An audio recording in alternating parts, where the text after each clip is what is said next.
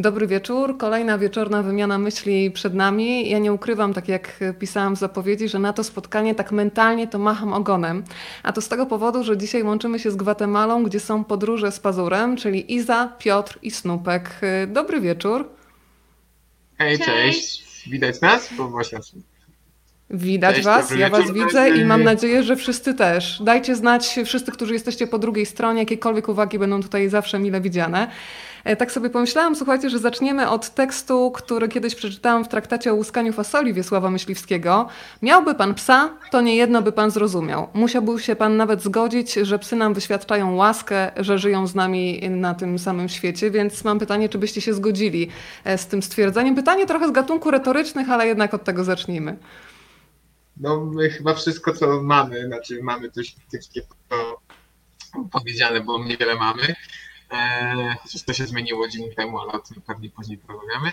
E, wszystko, co osiągnęliśmy, gdzie teraz jesteśmy w naszym życiu, no zawdzięczamy pośrednio, może nawet więcej niż pośrednio Stopkowi.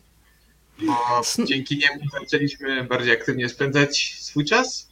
I doceniać te rzeczy, które zawsze się gdzieś gubiło w ciągu tygodnia, gdy się chodziło do pracy, potem się spieszyło do domu i ten czas nam się nagrywał, a tak naprawdę Snoopy nam pokazał, że każdy moment jest ważny i wcale nie trzeba po niczym gonić.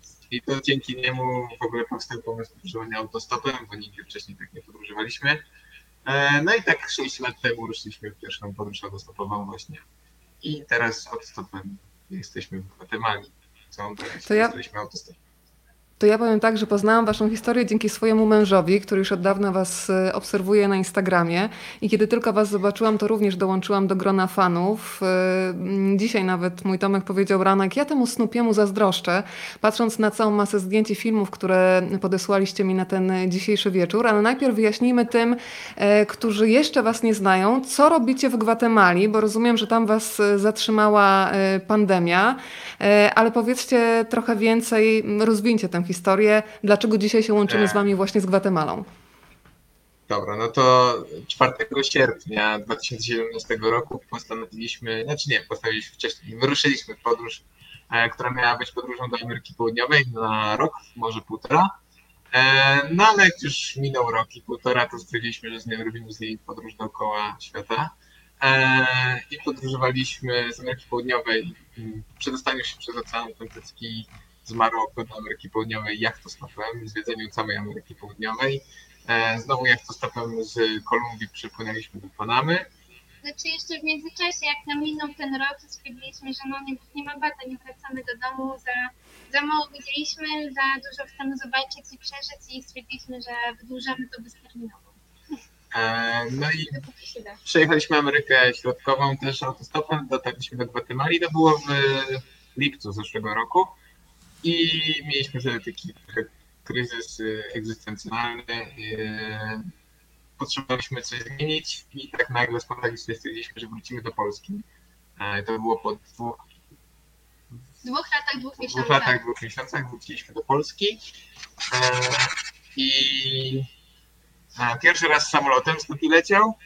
E, no i co, byliśmy w Polsce 4 miesiące i w styczniu wróciliśmy do Gwatemali, dokładnie w to samo miejsce, z którego wylecieliśmy we wrześniu, e, bo nie chcieliśmy robić żadnych e, drogi na skróty w naszej podróży dookoła świata. No i tutaj zorganizowaliśmy akcję kastrowania psów w takiej małej wiosce Lankin. To jest... Znaczy, mała wioska, ale bardzo popularna turystycznie. Większość osób, która odwiedza Gwatemalę właśnie jedzie do Lanki. No i, no i w trakcie organizowania tej akcji, znaczy już po, bo zrobiliśmy pierwsze dwa dni kastrowania psów, potem chcieliśmy to powtórzyć, kastrować jeszcze więcej psów. Eee, nadszedł koronawirus, no i to w Gwatemali to nadeszło tak bardzo szybko. W ciągu trzech dni właściwie w kraju się całkowicie zamknął, najpierw zamknęli loty, na chwilę później granice i, no i wydostać się z Gwatemali możemy teoretycznie do Meksyku. To jest kraj, który nie zamknął swoich granic, przynajmniej od strony Gwatemali, bo ze Stanami też, też, się zmienia. E, no ale niewiele nam to daje, więc siedzimy w Gwatemali. E, to dlatego też, że było trudno się tutaj poruszać. Tak, od 4 lutego siedzimy w Gwatemali. Słuchajcie, ale nie Eee. marnujecie tego czasu siedząc w Gwatemali. Zatrzymałam się przy zdjęciach, e, kiedy okazało się, że można zmieniać świat i każdy z nas ma taką super moc, tylko trzeba się odważyć. To powiedzcie, kiedy wpadliście na taki pomysł, że skoro już jesteście w Gwatemali e, i macie taką super moc w sobie jeszcze, która jest w stanie uruchomić innych, e, żeby trochę zadbać o te miejscowe psy. Powiedzcie w ogóle, jak miejscowi, jaki mają stosunek do zwierząt, do czworonogów i czy łatwo było ruszyć jednak taką machinę, czyli uruchomić lokalną społeczność, zorganizować zbiórkę z Polski, tak żeby zadbać o te zwierzęta, z jednej strony kastracja, ale też y, w niektórych przypadkach szczepienia, no i y, taka po prostu zadbanie po prostu o te zwierzęta, które tam chyba lekko nie mają. Znaczy ja bym tylko chciała nadmienić, że Gwatemala jest skomplikowanym krajem. To nie jest tak, że jak Polska i mamy tam Polaków, w Gwatemali mamy dużo Gwatemalczyków. Tam jest ponad 20 różnych języków obowiązujących, więc każdy z tych odłamów jest totalnie inny. I my zrobiliśmy tę akcję kastracji w Lankin i Lankin jest zupełnie innym miejscem niż reszta części Gwatemali. W Lankin mieszkają Majowie, potomkowie, to są bardzo prości ludzie. I dlatego potrzebowaliśmy, poczuliśmy tą potrzebę zrobienia tej akcji kastracji tam, bo tamtejsze psy naprawdę były w kiepskim stanie. W innych miejscach jest lepiej. Znaczy to też wynikało trochę z tego, że w Lankin, no może nie były to najgorsze psy, jakie widzieliśmy w naszym podróżowaniu. Widzieliśmy naprawdę dużo gorsze psy, na przykład w Boliwii, proszę czy w Wenezueli, czy nawet tu gdzieś w Gwatemali przy drogach. E, Ale w Lankin no, mieliśmy już jakieś znajomości, e, mieliśmy możliwość dojścia do burmistrza poprzez znajomości tam no, ludzi, którzy po prostu poznaliśmy, oni znali burmistrza, więc łatwiej było go przekonać e, czy po prostu w ogóle dostać się do niego i porozmawiać. E, No i była też tam Polka, która jest menedżerką w jednym z hoteli, więc było nam łatwiej jakieś dokumenty przetłumaczyć i tak dalej. No więc po prostu już wcześniej w naszym podróżowaniu chcieliśmy zacząć robić coś bardziej konkretnie, bo my całą swoją działalnością jakby tak staramy się po pierwsze namawiać do adopcji psów i odpowiedniego ich traktowania i pokazywać problemy świata związane z ekologią.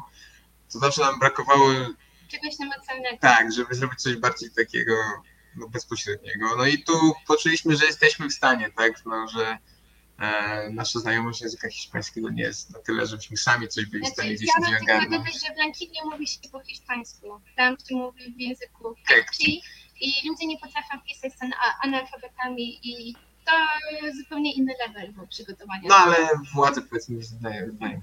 No, Pierwszy raz poczuliśmy, że coś możemy zrobić tak naprawdę i jak to zrobiliśmy, to się okazało, że wcale nie było takie trudne. E, tak jak powiedzieliśmy, chcieliśmy powtórzyć to, ale się nie udało z koronawirusem. Może się nam to uda powtórzyć gdzieś w Meksyku. Znaczy tak naprawdę ta akcja kastracji jest też powodem, dlaczego przyszliśmy w tej Gwatemali, bo przegapiliśmy całą sytuację koronawirusa. Byliśmy tak zaaferowani przygotowaniem tej kastracji, potem całym tym przebiegiem jej, a potem planowaniem kolejnej, że nie zauważyliśmy, że korona przychodzi. Słuchajcie, a powiedzcie, jak reagowali mieszkańcy? Tutaj widzimy bardzo sympatyczną parę z y, czworonogiem. Czy łatwo było też w ogóle miejscowych przekonać do tego, że ta kastracja, sterylizacja jest potrzebna, że szczepienia są potrzebne? Czy to było trochę takie odbijanie się od ściany? Jak w ogóle docieraliście z taką świadomością, że to jest coś, co chcemy zrobić dla dobra waszych zwierząt, ale tak samo dla was, bo, no, bo to, to jest gdzieś połączone ze sobą? To jest trudny temat, bo generalnie i tu w Ameryce Środkowej i Południowej ludzie bardzo lubią psy. Na przykład tak jak naszego Snoopy'ego chcą nas odkupić, bo jest ładny, czysty, zadbany, mądry i, się, i posłuszny. Eee, jak mówimy, że to jest zwykły pies z ulicy, tylko że go adoptowaliśmy 10 lat temu, to, to, to nagle przestają być zainteresowani i nie wiemy, czy dlatego jest im głupio, czy dlatego, że nie jest rasowy, więc już nie jest taki fajny.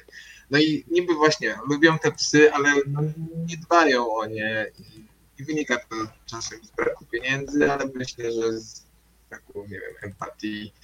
Wiele psów bezdomnych ma dobre tutaj życie, bo nie ma czegoś takiego, że ktoś je e, Bije. bije, no nie wiem, wykorzystują e, nie wiem, jacyś sadyści do jakichś potwornych zabaw, no czy pewnie tak, e, za coś tacie się zdarzało.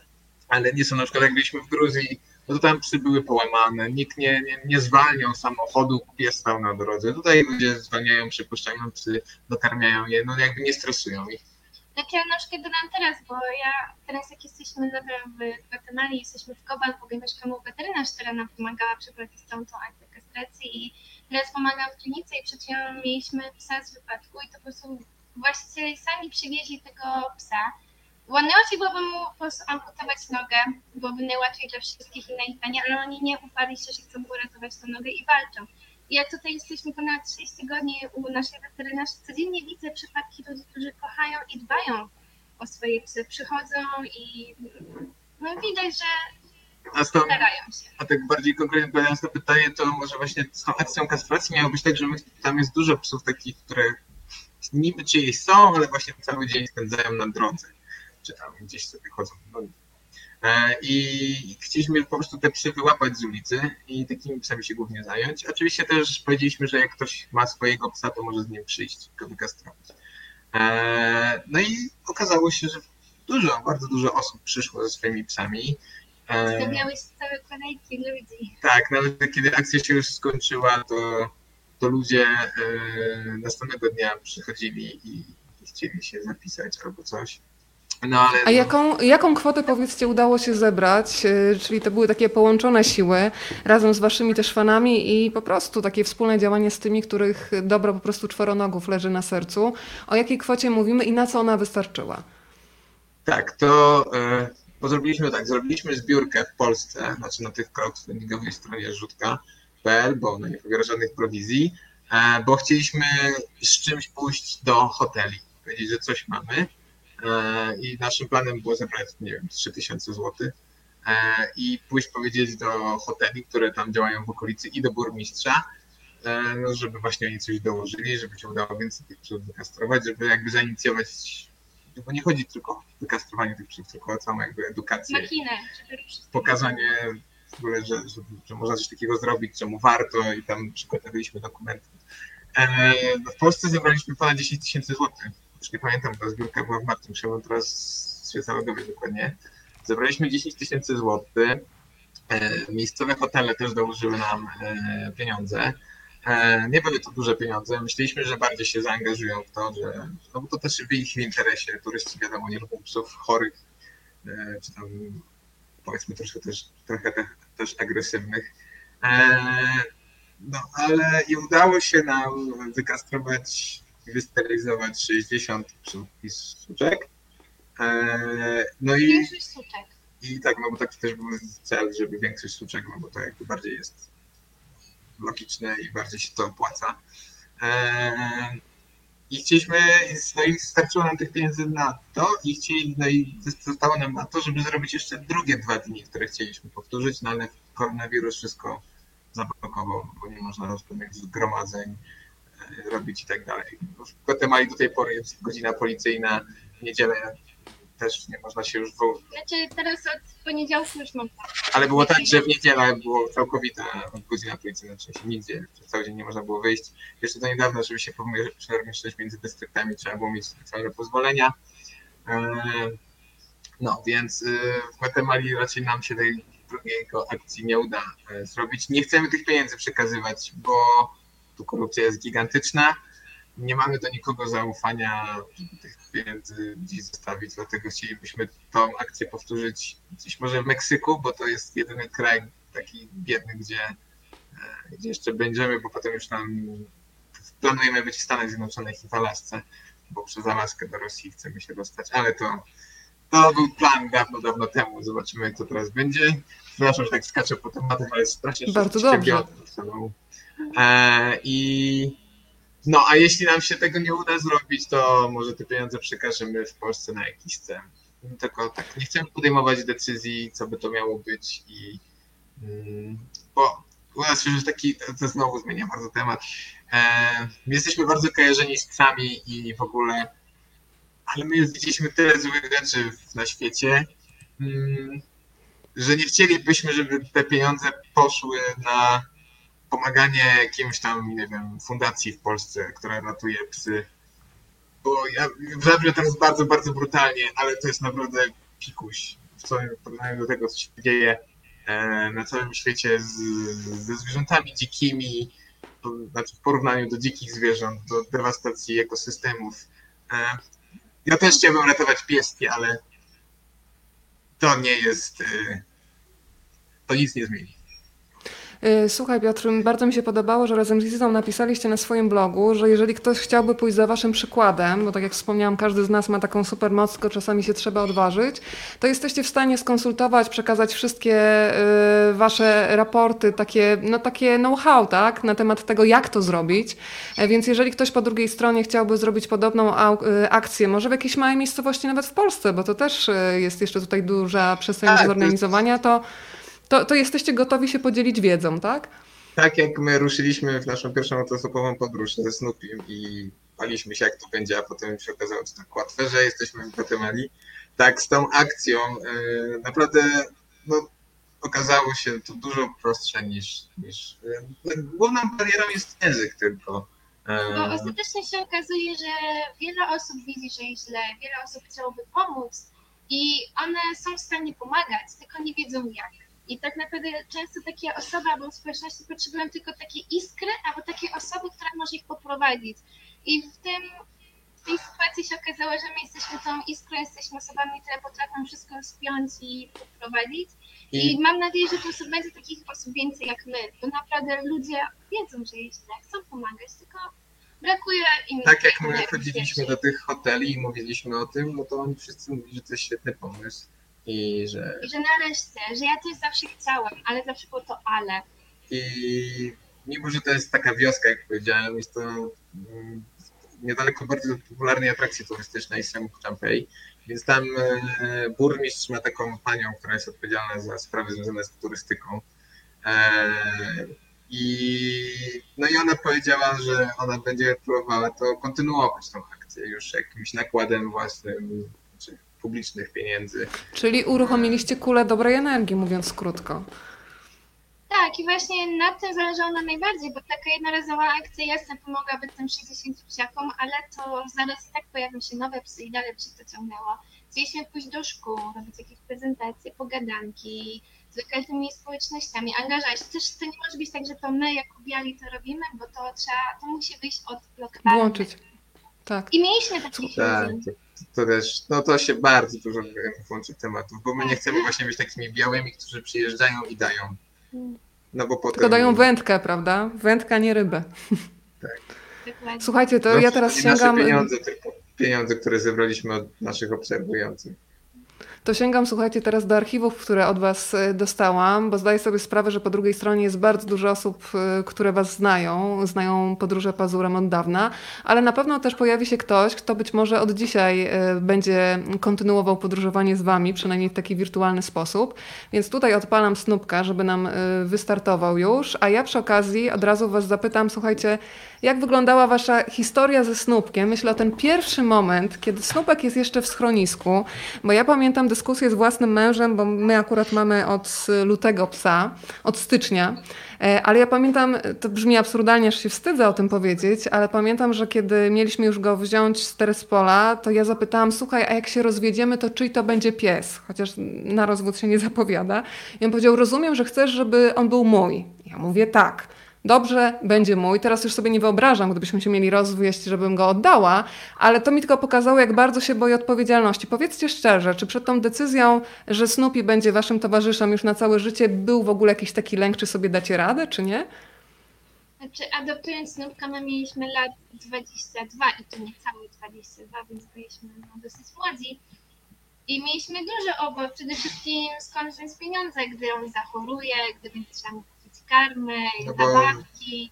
Tak, bo dopiero zaczęliśmy mieszkać razem, bo Iza dzieciństwo spędziła, dzieciństwo, no, okres nastoletni spędziła w Holandii, bo jej rodzice tam wyprowadzili, ja jeszcze studiowałem, no Iza wróciła do Polski dla mnie, szukała pracy, ja studiowałem, pracowałem tak bardzo dorywczo. E, No ale jak zaczęliśmy mieszkać razem, a zawsze w naszych życiach były jakieś zwierzaki, czy psy, czy koty, e, to stwierdziliśmy, że też musimy mieć zwierzaka w naszym nowym domu.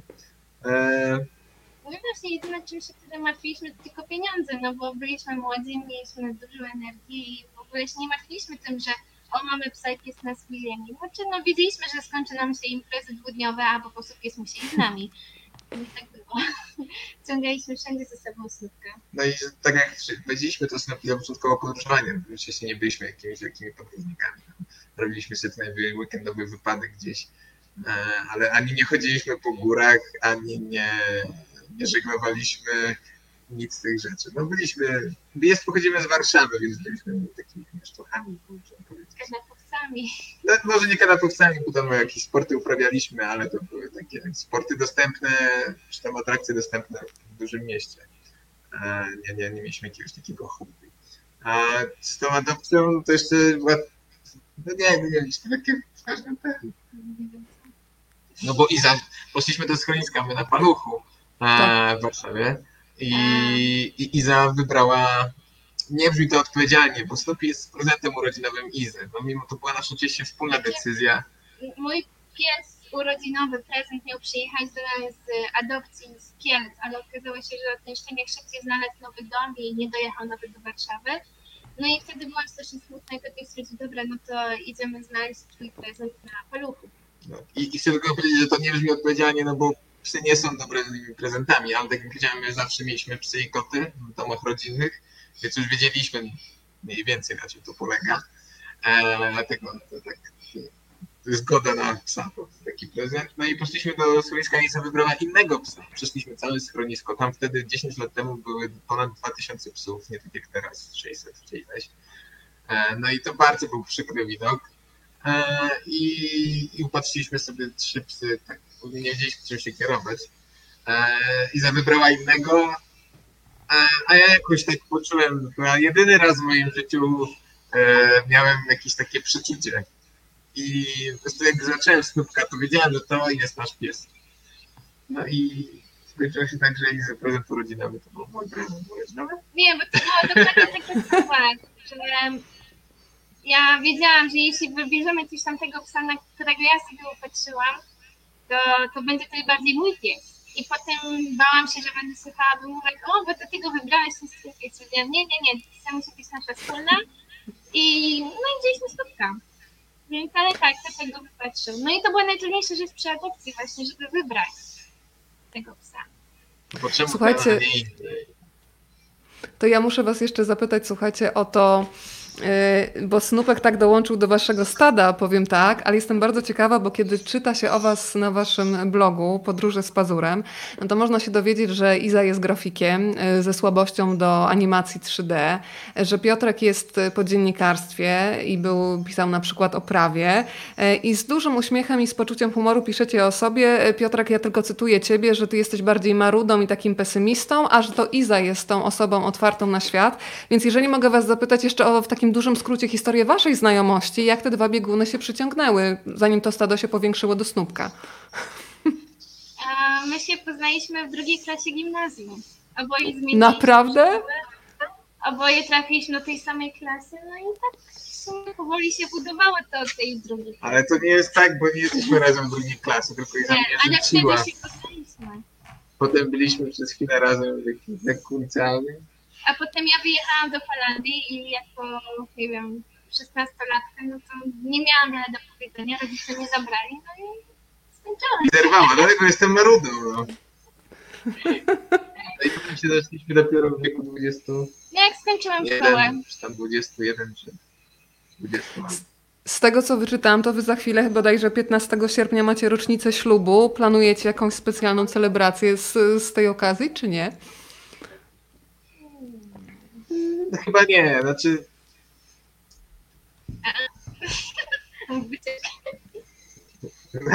podróż, wycieczka do Gwatemali. Nie, kupiliśmy sobie vana. Nie, żeby to był prezent e, na rocznicę, e, ale to śmieszne kupiliśmy vana 4 sierpnia, a 4 sierpnia jest, też odkryliśmy to teraz. Przypadkiem jest chyba dla nas szczególny, bo 4 sierpnia któregoś tam roku właśnie się zeszliśmy, ten drugi raz. I 4 sierpnia 2017 roku. Wyruszyliście w podróż. Naszą podróż.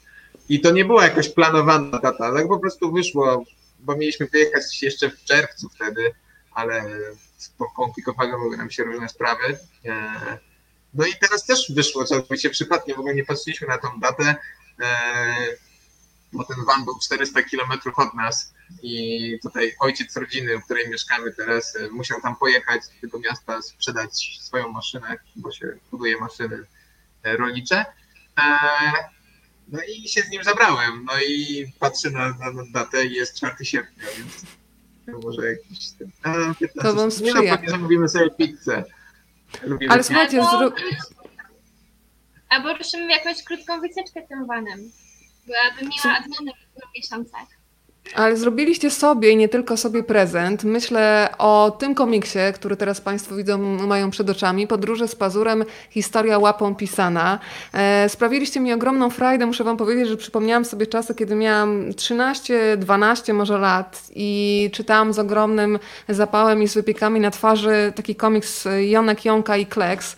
E, Charlotta Paweł, czyli pani Eugenia Janna Paweł-Kroll za, odpowiadała za ten komiks i zarówno za warstwę scenariuszową, jak i za rysunki.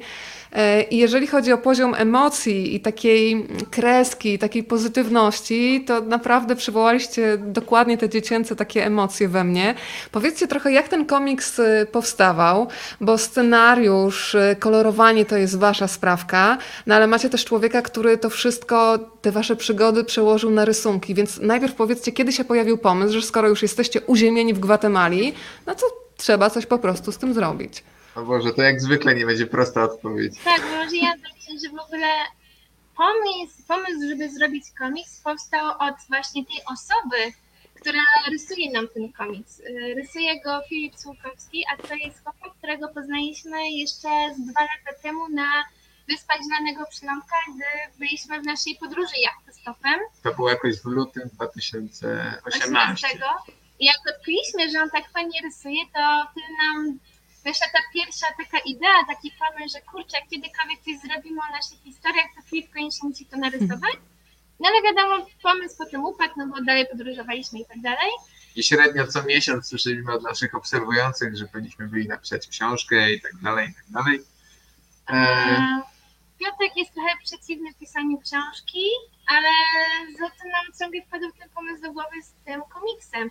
No jak się okazało, że jest cała pandemia i wszyscy są uziemieni, e, no to to tak się złożyło, że zadzwoniła do nas e, Marta Kapidulska z wydawnictwa Dookoła Świata, e, że chciałaby z nami współpracować i, i, ten komiks z nami wydać. My długo się zastanawialiśmy wcześniej, żeby samemu wydać komiks. Długa historia, dlaczego po prostu rynek wydawniczo-kolportażowy w Polsce jest no, patologiczny, ale to długa i skomplikowana historia, więc nie będziemy tu tego opowiadać. No, jesteśmy w Gwatemali, więc trudno by nam było cokolwiek samemu gdzieś w Polsce wydawać. No więc e, wszystko się ładnie złożyło. tak, to był po prostu taki znak, że musimy to zrobić teraz. No i dlaczego też może komiks powiemy, a nie książka? Bo wreszcie książek powstaje teraz z blogerów, podróżników, jak, jak grzyby po deszczu są. Eee, A poza tym książką znowu byśmy dotarli do osób e, no już starszych. są świadome. i starszych. A komiksem chcemy docierać do dzieci, bo ten komiks to tak jest nasza historia, e, historia snówka, naszego podróżowania, więc ma być wesoło, ciekawie, geograficznie i tak dalej. Ale tak jak wspomniałem, widzieliśmy w tym podróżowaniu wiele złych rzeczy e, i chcemy tym komiksem te, te rzeczy pokazywać i uświadamiać dzieciom, że nasz świat się powoli, a może już nawet nie powoli, tylko sypie. No i tylko te dzieci są w stanie to zmienić. E, Więc żeby mogły to zmienić, muszą mieć w ogóle świadomość tych problemów, a nie tak jak w Polsce czy w ogóle w Europie. E, Wydaje nam się, że jak odłożymy plastikową słomkę, to ratujemy świat. E, A tak naprawdę to nic nie zmienia. Znaczy, no nie chcę mówić, że to nic nie zmienia, dużo zmienia. Nie bierzcie plastikowych słomek, ale e, no naprawdę stan planety jest dużo, dużo gorszy i trzeba robić dużo, dużo poważniejsze rzeczy i wziąć się za siebie i brać odpowiedzialność za swoje decyzje, codzienne decyzje, które podejmujemy, wyrzucając jedzenie, kupując kolejne niepotrzebne rzeczy i tak. I Słuchajcie, to ja pokazuję kolejne plansze i muszę wam powiedzieć, bo wiedzie- powiedzieliście, że to jest komiks dla dzieci, więc ja stwierdziłam, i to jest bardzo dobra diagnoza w sumie, że mam bardzo dużo takiego małego dziecka cały czas w sobie, bo czytałam z autentycznymi wypiekami na twarzy i uśmiechając się, jak myślę, każdy właściciel psa, bo pewne zachowania, które opisujecie, szczególnie na początku adopcji snupka, y, będą myślę bardzo łatwo y, rozpoznawalne wśród innych właścicieli psów, ale na przykład nauczyłam się od was, o czym nie miałam pojęcia, chociaż wydawało mi się, że trochę o psach wiem, y, że kiedy kiedy zwierzątko ma na spacerze żółtą wstążeczkę, to ta żółta wstążeczka jednak coś oznacza. To w ramach uświadamiania tych dużych i małych, chociaż jedną z tych rzeczy możemy teraz zdradzić. Tak, żółta wstążeczka, nie wiem czy tam był pokój, oznacza, że, że pies y, no, ma problemy z socjalizacją z innymi psami czy z ludźmi, albo miał nie wiem, traumatyczne przeżycia, może był bity, wykorzystywany w walkach, albo po prostu dochodzi do siebie po jakiejś operacji. E, no i do takiego psa nie powinniśmy się zbliżać, tym bardziej ze swoim psem albo z małym dzieckiem, no bo ten pies po pierwsze Potrzebuje przestrzeni. potrzebuje swojej przestrzeni i spokoju. I E. wiemy, że było o tym całkiem głośno parę lat temu, to miała być taka w ogóle kampania społeczna, ale ona w ogóle tak przyszła, że nic się o tym nie słyszało. Wielu moich znajomych też pisał, że w ogóle nie wie, czym jest ta wstążeczka. No i właśnie to chcieliśmy zrobić w tym komiksie. Ten komiks ma też pokazywać właśnie takie drobne rzeczy, które dla innych są oczywistością, a dla innych ni- nigdy o tym nie wiedziały i właśnie przez takie przyjemne czytanie czy nawet przeglądanie komiksu mogą taką wiedzę wyłapać, nienachalnie. I żeby nie było, komiks nie jest dla, dzie- dla dzieci, bo właśnie jest dla dzieci na pewno, chcemy nim dotrzeć do dzieci, bo to jest ich główny target, ale Ale nie Staraliśmy jest się go- tylko i wyłącznie dla dzieci. To prawda. Każdy znajdzie tam coś dla siebie. tak, Ja jako staraliśmy się- dziecko prawie 40-letnie potwierdzam, że to jest komiks dla każdego, więc tutaj daję rekomendacje, przybijam swoją łapę do tego. Dziękujemy. Bo właśnie staramy się z tym walczyć, że on nie jest tylko dla dzieci. Tak, bo w Polsce chyba właśnie komiksy się, rynek komiksów w Polsce jest no, w tragicznej sytuacji, Tak, albo są komiksy dla dzieci, albo są to komiksy erotyczne. albo te komiksy jak Superman, Batman i tak dalej. E, I w Polsce rynek komiksu jest strasznie niedoceniany, a w takich krajach jak nie wiem, Francja z ile? 48 milionów, 48, ale ile chyba 16. 16 czy 18% rynku sprzedaży książki stanowią komiksy. E, W niektórych krajach azjatyckich, czy nawet też w Stanach Zjednoczonych, nawet we Francji, komiksy są traktowane jako sztuka. Bo to jest naprawdę, ja wiem, że Bo to jest daje sztuka, tak. Niewiele Bo pracy, przecież bo to tak trzeba mało, w... Mhm. Tak, tekstu, a tam wszystko po prostu, każdy kat mamy, musi być z niego wyciśnięte najwięcej Esencja. na. Graficznie, e, przekazem, tekstowo, po prostu musi to być dopracowane w każdym, w każdym elemencie. Tak, Zdecydowanie to jest mistrzostwo świata. Ale słuchajcie- w głównych postaciach, ale też tło jest bardzo ważne. Często w tym tle są jeszcze jakieś pewne detale, są różne informacje zawarte, więc naprawdę to jest trudne na zrobienie komiksu. Słuchajcie, już mnie pytało kilka osób, czy ten komiks będzie przetłumaczony na inne języki, właśnie na przykład na francuski czy na angielski. Wiecie coś już na ten temat? Czy to jest pytanie, które powinnam kierować do wydawnictwa dookoła świata? Nie, jak najbardziej też do nas, ale czekamy z przetłumaczeniem na języki, dopóki nie wydamy trzech odcinków. To Okej. po prostu będzie lepiej wyglądało, jak, że tak powiem, będziemy podbijać zagraniczne rynki czymś więcej niż tylko jednym epizodem. No i tak jak najbardziej. Po pierwsze, to musi się wydarzyć z trzech, na pewno z dwóch powodów. Po pierwsze dlatego, że Polska to jest tylko 40 milionów ludzi, e, więc jak naprawdę chcemy, żeby nasz komiks miał misyjny charakter, to musimy dotrzeć do dużo więcej ilości ludzi niż e, 40 milionów ludzi, a w Polsce średnia sprzedaż komiksów nie przekracza 1000 egzemplarzy Jednego E, tytułu. jednego tytułu, sami powiedzmy jednego odcinka jakiegoś tytułu. E, A po drugie, jeżeli cokolwiek chcemy na tym zarobić, to musi się to stać e, no, międzynarodowe. Bo Dokładnie na, tak. na książkach i na komiksach nie da się w żaden sposób zarobić bezpośrednio ze sprzedaży. Zgadzam się jak najbardziej z tym. Zarobkowo, tylko misyjnie bardziej. E, Słuchajcie, pojawiają się już pytania od razu, e, gdzie można zakupić komiks, więc od razu odpowiadajcie. A ja mam, słuchajcie, prośbę, skoro będzie księga druga, trzecia i kolejne, to zróbcie w jednym z komiksów, jeżeli mogę złożyć takie zamówienie, bo ostatnio też dowiedziałam się o takiej e, akcji bardzo ciekawej dotyczącej pierwszej pomocy dla psa. I złapałam się sama raz w domu na tym, kiedy mój pies zaczął się nagle dusić, że kompletnie nie wiedziałam, jak zareagować i wpadłam w panikę i w zasadzie nic nie umiałam zrobić. Na szczęście wszystko się skończyło dobrze, ale wiem, że takie akcje są organizowane, ale gdybym spytała na spacerze, nie wiem, 90, 90% pewnie właścicieli psów powiedziałoby, nie mam pojęcia, co zrobić. Wy wiecie w ogóle? E, Czasem nam się wydaje, że wiemy, a czasem się dowiadujemy, że i tak nic nie wiemy.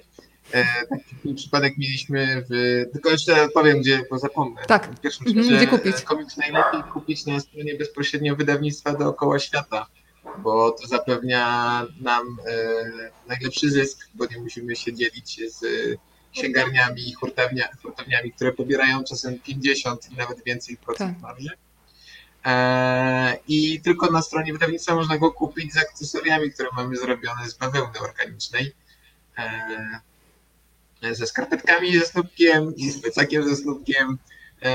No, więc polecam zobaczyć, bo naprawdę jesteśmy dumni z tych, tych dodatków. I tutaj też znowu staraliśmy się zrobić tak, żeby to one były ekologiczne. Fair trade. Fair, zasady fair trade i tak dalej. E, To ja tutaj plecaczek pokażę od razu, zobaczcie. Tak wygląda plecaczek ze Snoopy. Można sobie ta- z nim spacerować. Naprawdę mówię wam, można teleport do lat. To też jest A, fajne, faktycznie. E, A z, tym, z tą pierwszą pomocą, słuchajcie, to jak to wygląda? Tak, z pierwszą pomocą. No, byliśmy właśnie w tym Lankin, w którym organizowaliśmy Snupiemu, organizowaliśmy tam akcję kastracji. To było w zeszłym roku. E, znaczy, kastracja w tym roku, ale jak byliśmy w zeszłym roku, bo byliśmy tam dwa razy, Snupiego coś ugryzło w nocy. E, Mhm. Byliśmy już w łóżku, Snupi na chwilę zaskoczył się napić wody, wrócił i zaczął nam e, Się dusi. się dusić, miał całe źrenice rozszerzone, łapał, e, podnosił też łapę, więc no byliśmy pewni, że coś go ugryzło. I nie mieliśmy sterydów w aptece dla Snoopiego. To jest, są jedyne, że, to jest jedyna rzecz, która może uratować psa w razie ukoszenia czegoś jadowitego, węża, czy, czy nawet pszczoły, osy i tak dalej Mhm. bo e, i, no i tam nie ma, nie było żadnej apteki, gdzie mogliśmy to kupić. Zresztą była godzina 23. Do najbliższego miasta dzieliło nas e, do Kobani. Dwie godziny jazdy drogą szutrową, górską. No, nikt nas by tam o 23 nie, nie zabrał do Koban. Zresztą w Koban, poza tą weterynarz, w której my teraz jesteśmy, którą właśnie poznaliśmy przez to ugryzienie, e, Nie ma innych porządnych profesjonalnych weterynarzy. weterynarzy, są tylko pseudo-weterynarze, którzy bardziej szkodzą niż pomagają. Ale o tym też się dowiedzieliśmy dopiero niedawno. No, więc. y, Jak się no, skończyła więc, ta historia? y, Teraz sterydy zawsze to jest dla nas po- podstawa i wszędzie, gdzie się wypowiadamy w internecie, mówimy ludziom, że, że tak, dobra, węgiel na zatrucie pokarmowe psa dodatkowe, ale sterydy, bo to jest coś, co ratuje życie naprawdę. Akurat mieliśmy tego farta, że między Polską a Gwatemalą jest 8 godzin różnicy czasu, więc się skontaktowaliśmy z naszą weterynarz z Polski i byliśmy z nią jakby na gorącej linii. No ale nie, za- nie mogliśmy zrobić sobie nie czekać. No właśnie, no bo nie skończyło być. No, no oczywiście nie ruszyliśmy do Koban o tej 23. Mhm. Stwierdziliśmy, że no dobra, Snupek miał po prostu fajne życie i w ciągu najbliższych pół godziny się okaże, czy ma je dalej, czy niestety Snupiego już nie będzie. Eee, no i się do rana Snupek przeżył, uspokoiło mu się to trochę. Eee, Dodam tylko, że my nic nie przespaliśmy tej nocy. eee, No nie dziwię się. I kiedy dotarliśmy do Koban rano, e, z samego rana znaleźliśmy jakikolwiek transport. Dojechaliśmy te dwie, czy ponad trzy godziny. Do Koban e, znaleźliśmy tą panią weterynarz i okazało się, ona od razu wybuchła śmiechem, kiedy jej opowiedzieliśmy spanikowani, co, co się dzieje, bo ona powiedziała, że Snoopy ma kaszel kenelowy zwykły, e, e, który, tak, tutaj mimo, że jest 35 stopni i to występuje ten kaszel kenelowy. E, i po prostu ugryzienie pająka czy skorpiona, który nie był w żaden sposób bardzo jadowity, może tam troszeczkę miał jakiegoś jadu, sprawiło, że objawy kaszlu się. który Snoopy ma już pewnie od tygodnia, a przechodził go bezobjawowo, się pojawiły. I, no i Snoopy dostał na. Słuchajcie, tutaj jest Snupek na schodach, który jest takim patronem, wręcz muzą, bym powiedziała, komiksową, ale kim jest ten towarzysz nad nim? Bo widzę, że w ogóle, jeżeli chodzi o takie socjalne zapewny, zapędy, no to Snupek jest bardzo towarzyskim zwierzątkiem. Kim jest e, ten cudak piękny, taki czekoladowy? To jest Luna, to jest właśnie pies naszej weterynarz, w której mieszkamy, całej rodziny. I ona jest szczeniakiem, a Snoopy nie lubi szczeniaków. Ale dopóki ona, znaczy jak odpuszcza i przestaje mu dokuczać, to się lubią. Ale ona no niestety cały czas się go cały czas zaczepia, więc raczej się Snoopy nie jest zadowolony. Ale od wczoraj mamy, bo oprócz niej jeszcze jest drugi pies Gaja, która jest hartem albańskim, to ona, afgańskim, przepraszam, to ona w ogóle ignoruje Snupka, dlatego się lubią. I od wczoraj mamy jeszcze Chihuahua małą, którą Snoopy też toleruje, więc to zależy od psa po prostu. Ale słyszałam, że Snoopy z kolei ma jakiś magnes, który przyciąga krowy. Jak się ogląda wasze filmy na YouTubie z różnych podróży, to jakoś to bydło po prostu działa na niego, od razu chce podejść, nie wiadomo czy z dobrymi, czy złymi zamiarami, ale jakiś magnes ma taki na bydło w środku Snoopy. Tak, No, my nie mamy pojęcia o co chodzi, ale zazwyczaj no, jest to wesołe. Raz mieliśmy taką opowieść w górach, gdzie byliśmy 6 dni drogi od jakiejkolwiek cywilizacji e, i stadion, stado właśnie takich 30 czy może nawet więcej krów zaczęło biec do Snoopiego. No i stwierdziliśmy, że dobra, fajnie, fajnie, pewnie nie chcą nam nic zrobić, ale nawet przypadkiem jakaś się pośliźnie na tych skałach, padnie w nas albo w ten, no i, no i no, przerąbany, bo nikt do nas tam nie przyleci. Nawet nie mamy jak wezwać pomocy, bo tylko telefon satelitarny tam działał, tylko oczywiście nie mamy. Słuchajcie, ja będę tutaj w tak zwanym międzyczasie pokazywać zdjęcia z waszych podróży, ale chciałabym, żebyście wspomnieniami wrócili do tego momentu, który zresztą zarejestrowaliście na wideoblogu na YouTubie, polecam wszystkim. Kiedy pakujecie mieszkanie, mm, i myślę, że to jest takie zadanie dla wszystkich, e, wyobraźcie sobie teraz wszyscy po drugiej stronie, że musicie spakować wszystkie graty, które macie w domu. To są po prostu niekończące się pudełka. Zamykacie drzwi mieszkania. Piotrek, i ty masz prawie łzy w oczach. e, I ja się bardzo wam dziękuję za tą szczerość, bo mówicie o prawdziwych emocjach. Nie to, co my sobie wyobrażamy, jak już wyruszymy, tylko to, co się naprawdę dzieje. Więc najpierw powiedzcie, jak wyglądało to pakowanie. Czy byliście zdziwieni ilością rzeczy, jaką zgromadziliście?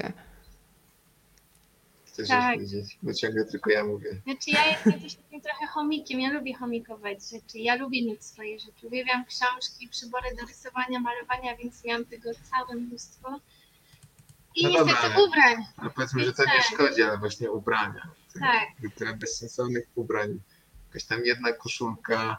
Znaczy powiem tylko, że jeszcze przed wyjazdem to tak nie, nie wiedzieliśmy, że aż tyle mamy tych rzeczy. Jasne, te pudła nam się zaczęły mnożyć, ale najgorszy moment był dla nas, kiedy wróciliśmy po tych dwóch latach do Polski te cztery miesiące. Pojechaliśmy do tego miejsca, gdzie mamy, składujemy wszystkie nasze pudła i zobaczyliśmy, ile mamy tych ubrań. I że wszystkie moje spódnice są prawie takie same, po co mi 20 spódnic krótkich, skoro ja całe dwa lata przechodziłam maksymalnie dwóch i było ok. Więc tak, to dopiero do nas tak w nas uderzyło, że my tych rzeczy nie potrzebujemy. A i tak mamy mało w porównaniu do wielu innych osób. A ile ważyły, słuchajcie, wasze plecaki? No bo wyjeżdżacie w podróż dookoła świata, która tak naprawdę nie do końca wiadomo ile potrwa. E, Czy to było, nie wiem, pierwsze e, pakowanie, a potem wypakowywanie jednak tego, co jednak e, będzie już kompletnie niezbędne? No bo spakować całe życie i potem co? Wyjeżdżacie, ile się tam zmieściło w tych plecakach? Dokładnie tak jak e, to jest rozpisane w komiksie, dokładnie tak to wyglądało. Pakowaliśmy, potem sprawdzaliśmy wagę, potem kalkulowaliśmy, nie, no nie potrzebujemy aż tyle tych rzeczy i potem Jest wyjmowaliśmy takie je. powiedzenie, że e, na ciężki plecak składają się rzeczy, które same w sobie nic nie mają. No i tak jest. No, 20 kg, tutaj coś, dwa, że nie wiem, 50 gram. Wydaje się, że to niewiele, jak się tak weźmie w rękę, no ale jak się już ma takich rzeczy 4 czy 6, no to nagle się robi 300 gram, tak? Tak. Więc e, e, nasze plecaki ważą różnie, zależnie od tego, etapu podróży naszego. Inaczej ważyły przez pierwsze dwa miesiące, a inaczej przy jachtostopie, gdzie znowu mieliśmy więcej. Potem znowu w Brazylii były, były inne rzeczy niż na przykład w Peru, które było chłodniej. Więc plecak się tak zmieniał co parę miesięcy, tak wagowo, objętościowo. No, że to jest zależy od tego, kraju da się kupić dobrą karmę dla psa, czy, czy Ale- bardzo. Tak, jak się nie da, bo nie wiemy jeszcze, więc opuszczamy poprzedni kraj, to robimy jakiś zapas większy. E, No, I zapowiedziała hasło jeszcze, słuchajcie, jak, e, jak to stop, więc tutaj mam przygotowany film od was, e, bo wydaje mi się, patrząc po tym, co podesłaliście, że Snoopy na jachtostopie się czuje naprawdę bardzo wygodnie. Wydawałoby się, że pies, który nie lubi wody, w sensie takim pływania, chociaż podobno też już się przełamał, no to na jachcie może się czuć różnie, a tymczasem Państwo niech sobie zobaczą, jak tutaj się Snoopy czuje podczas podróży na jachtostopie. Opowiadajcie. Powiem rzecz, której się nauczyliśmy dzięki Snoopkowi, że tak naprawdę pies, który nie lubi wody, jest najlepszym żeglarzem.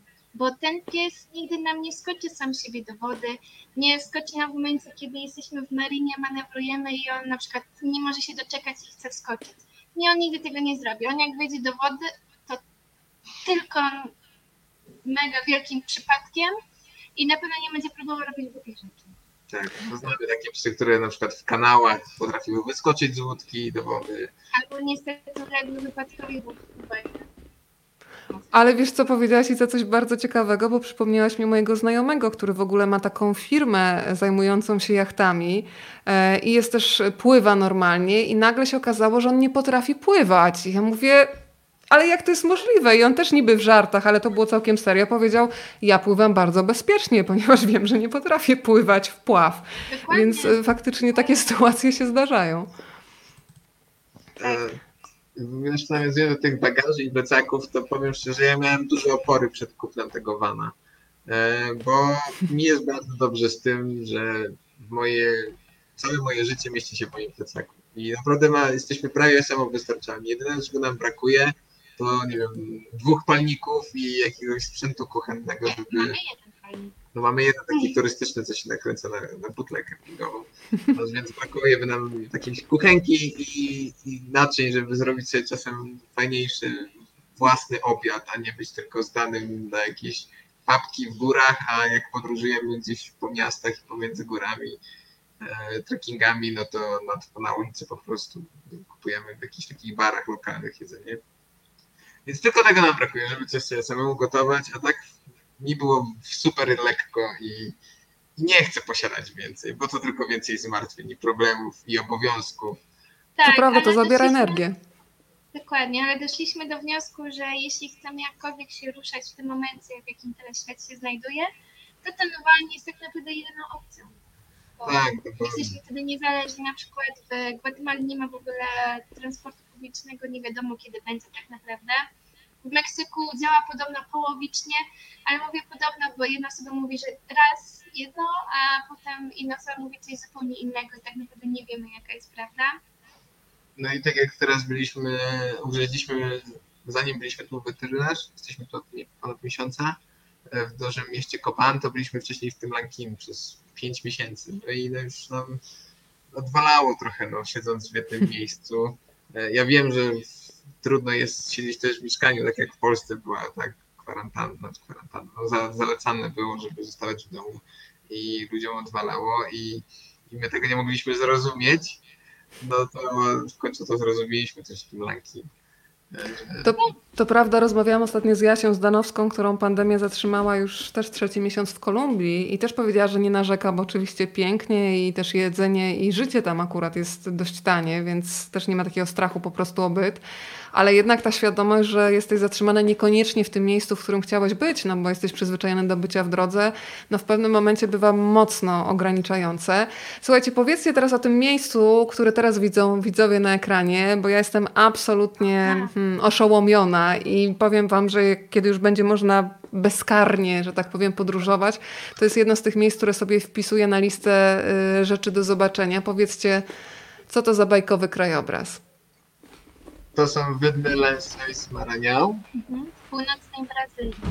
Czyli w rejonie, który praktycznie wszyscy turyści omijają, bo każdy, kto jedzie do Brazylii, to jedzie na południe do Rio, São Paulo i Iguazu, a na północy są pustki. Nie ma praktycznie żadnych białych turystów. Białych mam na myśli, bo są tam tylko tak naprawdę lokalni turyści z Brazylii, Brazylii, z którzy Argentyny. wiedzą o tym miejscu i ewentualnie innych państw Ameryki Południowej, ale białych z Europy jest bardzo mało.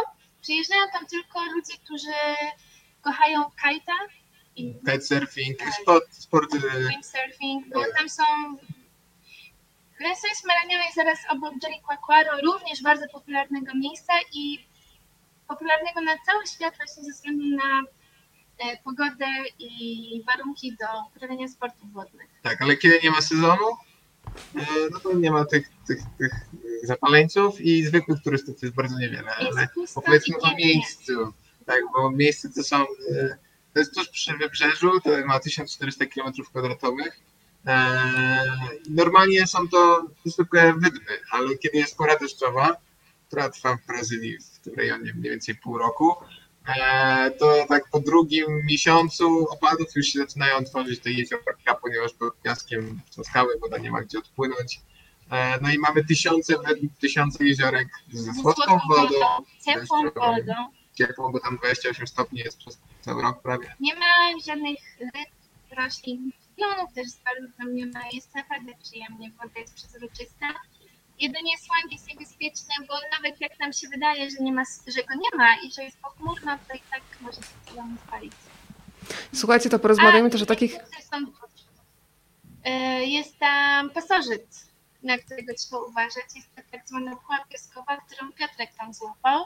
Jest to taki mały robak, który składa jajka w No czole. jest to zwykła pła, najmniejsza pła na świecie. Ona rozkupuje na skórek, składa jaja, umiera e, Więc trzeba uważać, bo miejsce jest bajeczne, ale to, co potem Piotrek miał, to nie było już takie fajne. słuchajcie, a to serce, które tam widać w oddali, to jest wasza sprawka?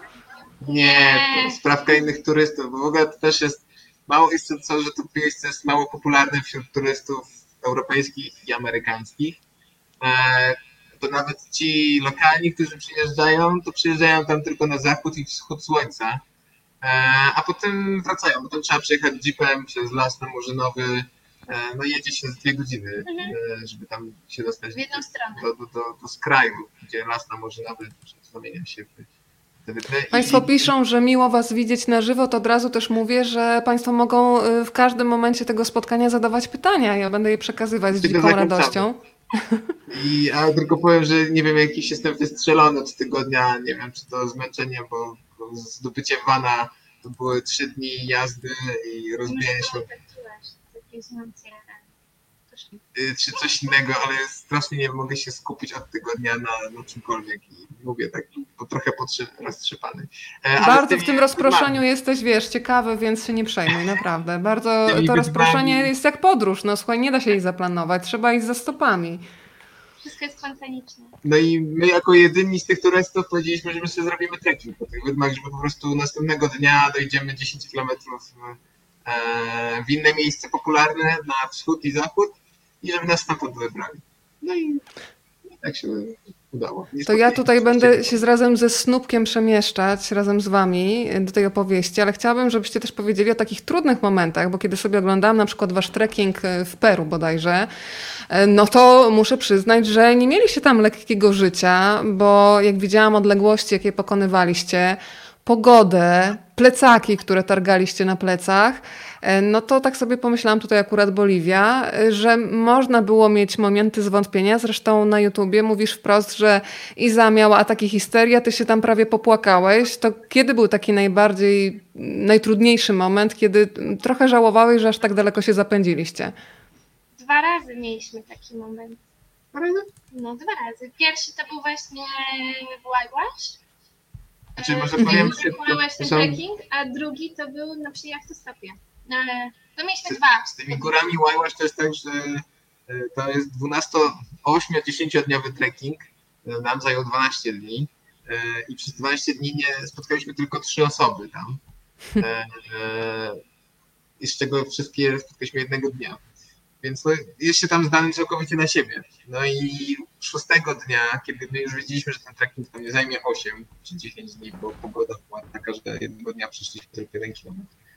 Eee, no, no wiedzieliśmy, że ani nam nie starczy jedzenia na nie wiadomo ile, że no, drogę też się trudno odszukuje, bo nie ma tam żadnych szlaków zaznaczonych. Eee, map, mapy nie, też nie są aktualne już. No, nie ma jak łączności, żeby ktoś nam uratował. Jak wspomniałem, tylko telefon satelitarny. No i przede wszystkim też to, że pomyliliśmy drogę, a w górach każdy metr przewyższenia jest na wagę złota i musieliśmy się cofnąć 100 metrów przewyższenia. Po Rozpalało błocie, się śnieżyca. czy no deszcz ze śniegiem, było ogromne błoto i rozstawiliśmy namiot, żeby móc się gdziekolwiek schować i jak w momencie, kiedy rozstawiliśmy namiot, chcieliśmy wszystkie nasze suche rzeczy wrzucić do plecaka, więc już to zrobiliśmy, Do namiotu. do namiotu, to Snoopy wykorzystał ten moment i wskoczył do namiotu i wszystko nam wybrudził tak maksymalnie. I to był chyba moment, w którym po prostu ja pękłam i No i to już była ta historia. e, To histeria. brzmi lajtowo, ale naprawdę Nie, nie Tak. było. śnieg, deszcz, mróz, błoto. I to był chyba już siódmy dzień trekkingu, a Szósty, szósty, siódmy. No i na wysokości 4-5 tysięcy metrów, gdzie się ma w ogóle problemy z własnym ciałem, bo się walczy wtedy z ciałem, a nie tylko z pogodą. No i to już, to, to było za dużo. No i zapękłem, wpadła tak histerii, a ja po prostu płakałem, no bo czułem się odpowiedzialny, no jestem jakiś, nie wiem, może jakieś feministki się tutaj obrażą, ale jestem fantastycznie odpowiedzialny za Izę i za Stupka. E, to też był bardziej mój pomysł, żeby nie wynajmować żadnego przewodnika i tak dalej. A i wybraliśmy najtrudniejszą trasę. Wybraliśmy najtrudniejszą trasę, no ale generalnie my teraz uwielbiamy takie doświadczenia, bo właśnie takie doświadczenia sprawiają, że jakkolwiek się rozwijamy jako ludzie. Ale słuchajcie, właśnie jak to jest, jeżeli chodzi o kłótnie? Bo ja zauważyłam, że odkąd mamy psa, to my się dużo rzadziej kłócimy, ponieważ widzimy, jak reaguje nasz pies, który automatycznie kuli uszy po sobie i nie wie, czy ma iść do mnie, czy ma iść do mojego męża. I wtedy od razu jest takie zawieszenie broni. Ja mówię, zobacz, zobacz, jak się pies tak przestraszył i od razu się kończy e, konflikt, więc zastanawiam się, ja naprawdę uważam, że pies, e, p- mm, o ile nie wiem, dawniej potrafiłam strzelać focha i to trochę trwało, tak teraz ze względu na dobro psa tutaj nie ma miejsca na kłótnie, trzeba się szybko pogodzić. Jak jest u was? U nas to chyba działało do jakiegoś momentu, a teraz jako, że jesteśmy już 3 lata ponad, I zamknięci. e, 24 godziny na dobę e, ze sobą non-stop, no to już ten pies nie jest e, takim elementem uspokajającym. Jest co najwyżej godzącym po jakimś czasie, ale, ale kłótnie się nie, nie, nie, nie zatrzymują przez niego. Nie, po prostu, no, tak jak mówię, jesteśmy non-stop razem i czasem nawet i zg- zgadzamy się w wielu poważnych tematach, ale w drobnych. No, a- Słuchajcie, pojawiają się pytania. Jelena się pyta, mm, jak Iza i Piotrek finansujecie takie podróże? To jak to wygląda? Finansujemy z naszych oszczędności, znaczy e, Znaczy nasza podróż też nie jest podróżą, że my ciągle gdzieś jeździmy, przemieszczamy się, coś robimy, coś zwiedzamy. Podróżujemy w zupełnie innym stylu. I tak jak powiedział Piotrek, finansowujemy to głównie z naszych oszczędności. i mamy mieszkanie w Warszawie e, po rodzinie Izy. No i wynajmujemy to mieszkanie i mamy z tego, powiem wprost, bo mamy, jesteśmy wprost, mamy z tego 1500 zł miesięcznie. E, Mhm. No i nie starczy nam to, żeby, żeby nie wiem, no, tak jakby bez żadnego zastanowienia sobie jeździć. E, musimy zarabiać dodatkowo. Dlatego rok temu wyrobiliśmy wizę do Kanady. Dostaliśmy właśnie wizę Work and Travel. Ale jako, że korona wszystko trochę popsuła, to na szczęście przedłużyli mi wjazd do tej Kanady do października. Ale jak to będzie, to też nie wiem. Nie wiem, czy tam dojedziemy. A z tylko takich ciekawostek powiem, bo teraz nie robiliśmy tego ograniczenia, bo wszystko jest pochrzanione. Kiedy ruszaliśmy w naszą podróż, mieliśmy 40 tysięcy złotych oszczędności i to Mhm. mieszkanie. E, I przez dwa lata i dwa miesiące, zanim zrobiliśmy pauzę, wydaliśmy między 60 a 70 tysięcy złotych. E, z czego ponad 10 tysięcy myślę, że pochłonęło nam blogowanie. No to E, sprzęt po prostu. no nie, właśnie nie sprzęt, samo blogowanie, kupowanie internetu i tak dalej. E, Domen, blogu- opłacanie tego wszystkiego, tak, to też kosztuje, chociaż się- Tak, niektórym się może wydawać, że to po prostu jest od tak. Mhm. E, no więc można powiedzieć, że w 60 tysięcy podróżowaliśmy przez dwa lata i dwa miesiące. Więc każdy może sobie odpowiedzieć, że to jest dużo czy mało. Ale w podróży zdarzały nam się momenty, kiedy zarabialiśmy pieniądze. Albo na przykład przy jachtostopie pomagaliśmy naprawia, przy naprawach jachtów, czy jakichś tam Znaczy ja bym powiedział, że raczej to nie jest zarabianie, bo zarobić to może zarobiliśmy bezpośrednio 500 dolarów przez te dwa lata. E, Ale najważniejsze jest No. nie wydawanie. No my na przykład nie, nie pijemy alkoholu. Pijemy bardzo, nie bardzo płacimy za nocleg. Bo na przykład pomagamy komuś gdzieś tam, to możemy gdzieś tam zostać i nie płacimy za nocleg. Czasem nawet za jedzenie nie płacimy. No to zależy naprawdę od sytuacji. No i przemieszczamy się autostopem, który głównie, tak? No, w Peru czy w Boliwii jeździliśmy autobusami, autokarami, które są jednak tam bardzo, bardzo tanie. Słuchajcie, a jak właśnie było z tym autostopem? Bo y, w komiksie jest taki fajny wątek, że tak naprawdę jeden z waszych przyjaciół, który was y, wystawia na drogę, odwozi na wylotówkę, mówi, że jakby co to zadzwońcie, że po was y, wróci. Co mieliście w głowie? Czy w ogóle zakładaliście taki scenariusz, że jak się nikt nie zatrzyma? Bo głowa bardzo szybko tworzy czarne scenariusze, ja to zauważyłam. Nie zawsze mające cokolwiek wspólnego z rzeczywistością. I sama też bym pewnie myślała, że tak, a to, to ja u nas jest w drugą stronę z kolei. Ja jestem y, takim Piotrkiem, natomiast mój Tomek jest Izą w naszym związku, więc u nas jest to na odwrót. Ale ja się nie zgadzam, bo akurat w tej sytuacji to było zupełnie na odwrót autostopem. No ale ja bym myślała, że skoro mamy psa, to będzie trudniej. A ja mam wrażenie, chyba jak potem czytam y, waszego bloga i obserwuję wasze życie, że czasami to chyba właśnie Snupek otwierał drzwi do tych samochodów. Jak to było? Znaczy do samochodów może nie, bo tak naprawdę psa jest trudno zobaczyć i pies nam otwiera jakby serca ludzi. Czyli Mhm. jak już z kimś rozmawiamy, to ci ludzie szybciej się na nas otwierają i tak bardziej się tu gdzieś otwierają. chodzimy po miasteczkach. Tak, więc na przykład otwiera nam domy, otwiera nam drzwi do, do domów, często łapiemy w ogóle nocleg przez strony przypadek, albo w supermarkecie, albo w weterynarze gdzieś tam. A w autostopie to Znaczy, tam trudno powiedzieć, bo my nigdy nie podróżowaliśmy autostopem bez Snoopy'ego. Bo mogę tylko Nie ma skali taką- porównawczej. Tak, mogę tylko powiedzieć taką statystykę, że my już zatrzymaliśmy ponad 1500 pojazdów w naszej historii podróżowania od 2014 roku. Tym sposobem, w tym sensie. No i na te 1500 pojazdów tylko dwa razy ktoś nam powiedział, że nie, jak zobaczył Snoopy'ego, no bo Snoopy jest mały, więc nie od razu go widać. Czasem jest w swoim Ale zawsze mówimy, że mamy psa. Tak, zawsze mówimy, że mamy psa, nigdy go tam Nie kidramy, bo nie robimy jakby akcji na partyzanta, tylko zawsze przyznajemy, że mamy psa, czy to nikomu nie przeszkadza. No i tylko dwa razy na 1500 ktoś powiedział, a nie, no to nie.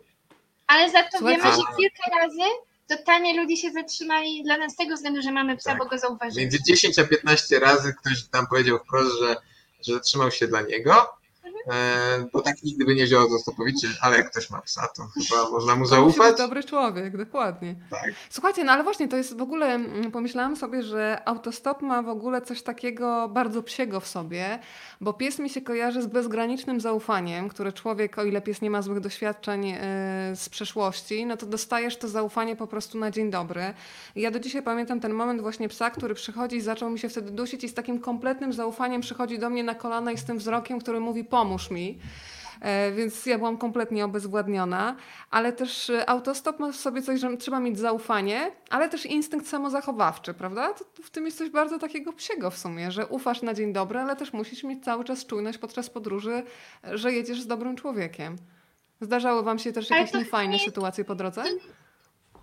Znaczy, ogólnie to, co mówisz, to nie jest chyba tylko sam autostop, tylko ogólnie moment, gdy się podróżuje. No, trzeba cały czas być em, czujnym, bo nigdy nie wiesz, co się, co się zdarzy, szczególnie gdy my na przykład podróżujemy po takich miejscach jak Kolumbia albo niektóre dzielnice niektórych miast. Ale czy nam się coś zdarzyło w autostopie? No właśnie nie. Szczególnie w tej podróży, w której teraz jesteśmy od trzech lat, nigdy nie mieliśmy żadnego problemu przy autostopie.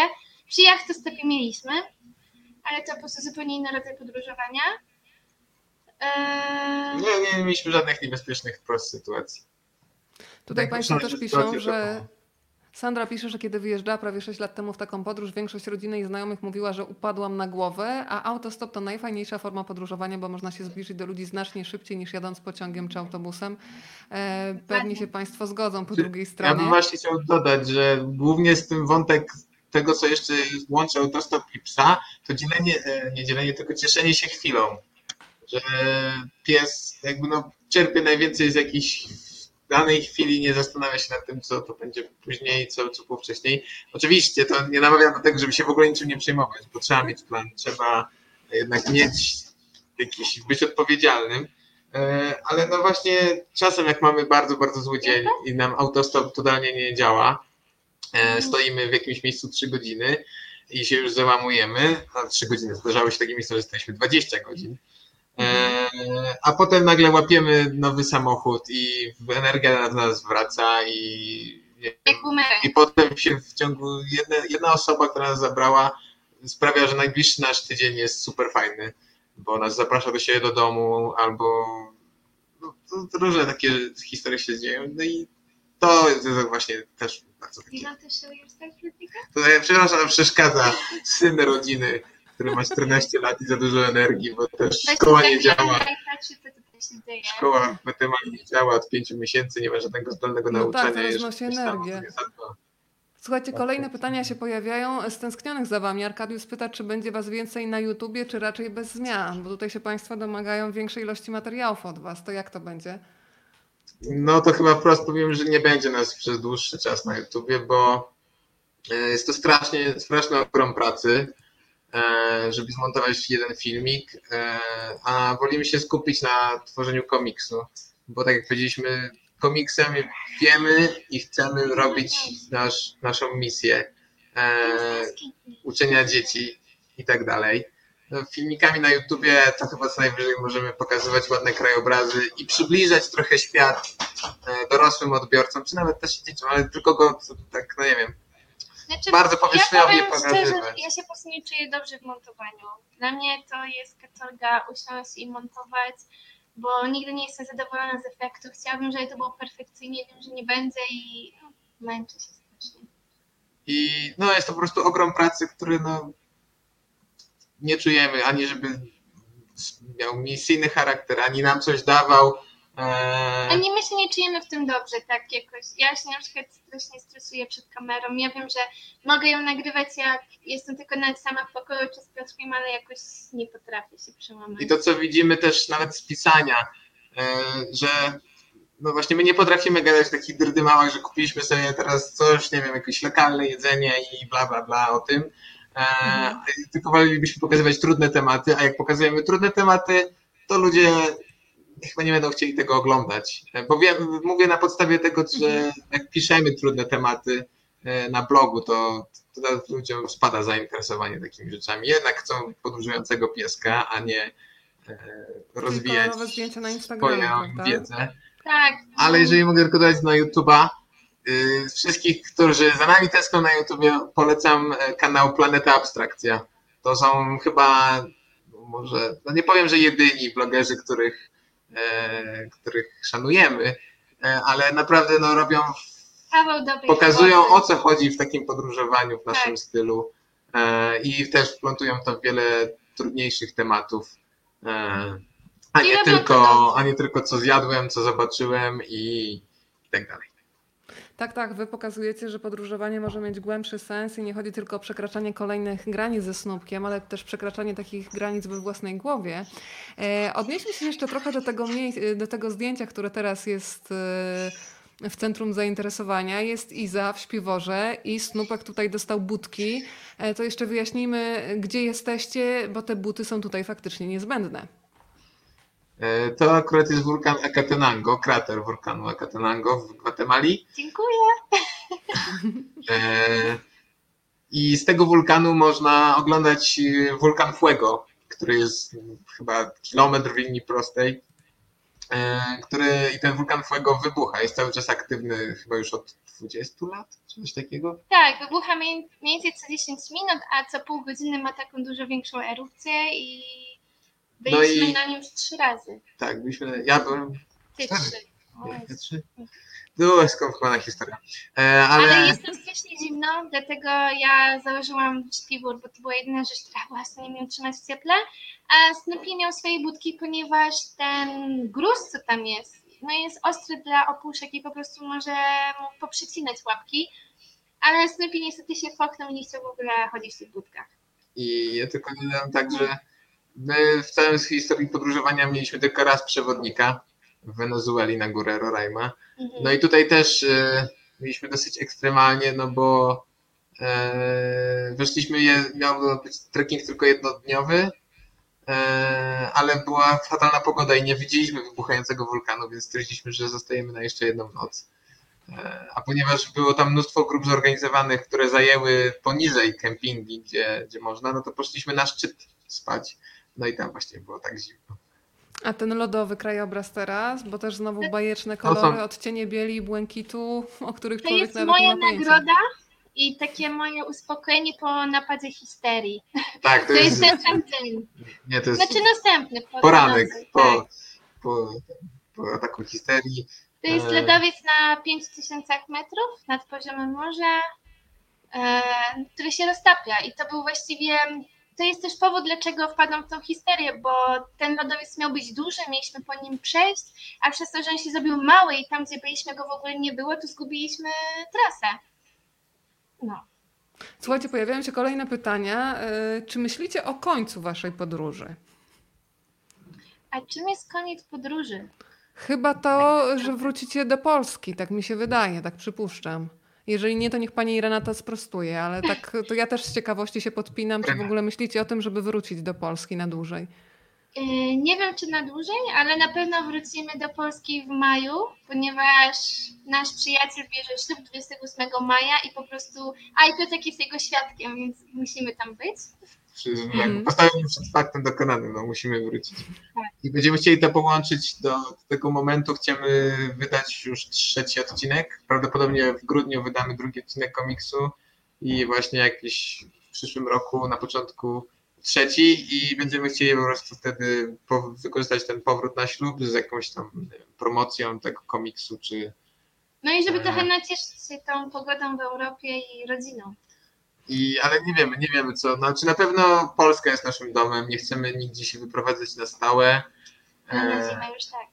e, mieliśmy różne pomysły, żeby osiąść może w Peru na rok czy dwa. E, no, chcieliśmy w tej Kanadzie popracować i zarobić pieniądze, żeby udało nam się dokończyć podróż dookoła świata. E, no ale ten koronawirus i to wszystko sprawiło, że no nie mamy teraz pojęcia, jak to się wszystko poukłada. Kupiliśmy vana. Dla mnie to jest pewien etap podróży, no bo skończy się nasze podróżowanie autostopem, które było no jednak zupełnie innym i ciekawszym dla mnie doświadczeniem niż jeżdżenie vanem. Vanem to Czekaj, takie... czekaj, powiesz jak doświadczysz podróżowania vanem. No tak, zobaczymy też jak to będziemy chcieli zrobić, ale znamy dużo osób, które podróżują vanem i to jest jakby dla nich taka bańka, z której nie wychodzą. No my będziemy chcieli tego No. uniknąć, bo Znaczy, boimy się, że ogólnie korona popsuł otwartość ludzi, że ludzie będą się na nas patrzeć jak na zarazę i nikt nie będzie chciał z nami rozmawiać.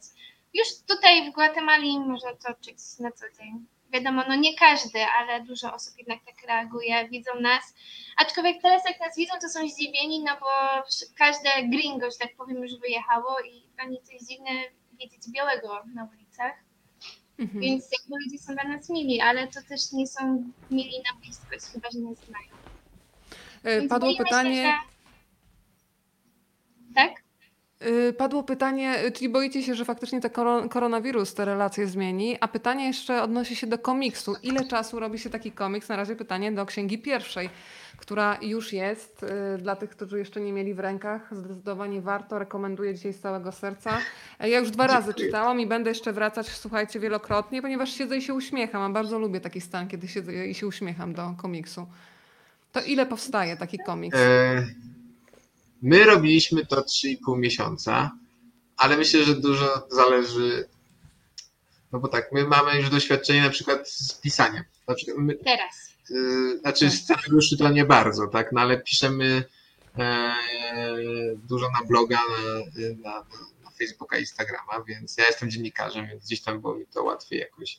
Kiedyś z kolegami robiłem filmy amatorskie, e, więc też to na pewno jakoś rzutowało na to, że ten scenariusz nam się w miarę szybko udało napisać. Iza ma dobrą pamięć do jakichś takich wydarzeń konkretnych, więc było tak, że ja rozpisałem bardzo szybko, co w tym komiksie chcę, żeby było na przykład edukacyjnego, czy jakieś ważne wydarzenie, a Iza z kolei potrafiła sobie to przypomnieć w głowie dokładnie, jak to wyglądało I zwizualizować. i zwizualizować, Bo żebyśmy mogli... napisanie scenariusza do komiksu jest trudne, ponieważ tak naprawdę to jest baza dla rysownika i oprócz tego, że ja rozpisuję historię, jakie tam rzeczy, jakie dialogi są, znaczy wiadomo, to jest jakby pierwszy wstęp do dialogu, to jeszcze trzeba widzieć w głowie, co ma w tym kadrze być i jak te postacie mają się zachowywać, No i- co ma być w tle, tak plus minus, więc to jest naprawdę dużo roboty. No i też mamy farta, że Filip e, Sułkowski, który rysuje, też jest jakimś podróżnikiem. Podróżuje Mhm. zupełnie inaczej, bo, ale ma doświadczenie i, e, I jest w podobnym naszym wieku, e, więc e, łatwiej. Rozumiemy się. Tak, rozumiemy się. E, Bo jeżeli ktoś miałby to przeczytać, nasz scenariusz, który w ogóle nigdy nie, nie podróżował i nie czuje, nie wiem, życia za 10 zł dziennie, e, no to by pewnie było Byłby trudniej to zrozumieć.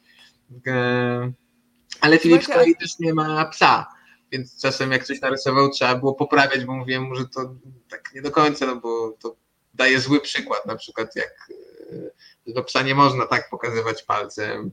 E, No, Albo nie może siedzieć na kolanach i jeść z talerza. tak. E, Słuchajcie, a jak zareagował Snoopy, bo tutaj jest Snoopy i delfiny, czego mu bardzo zazdroszczę.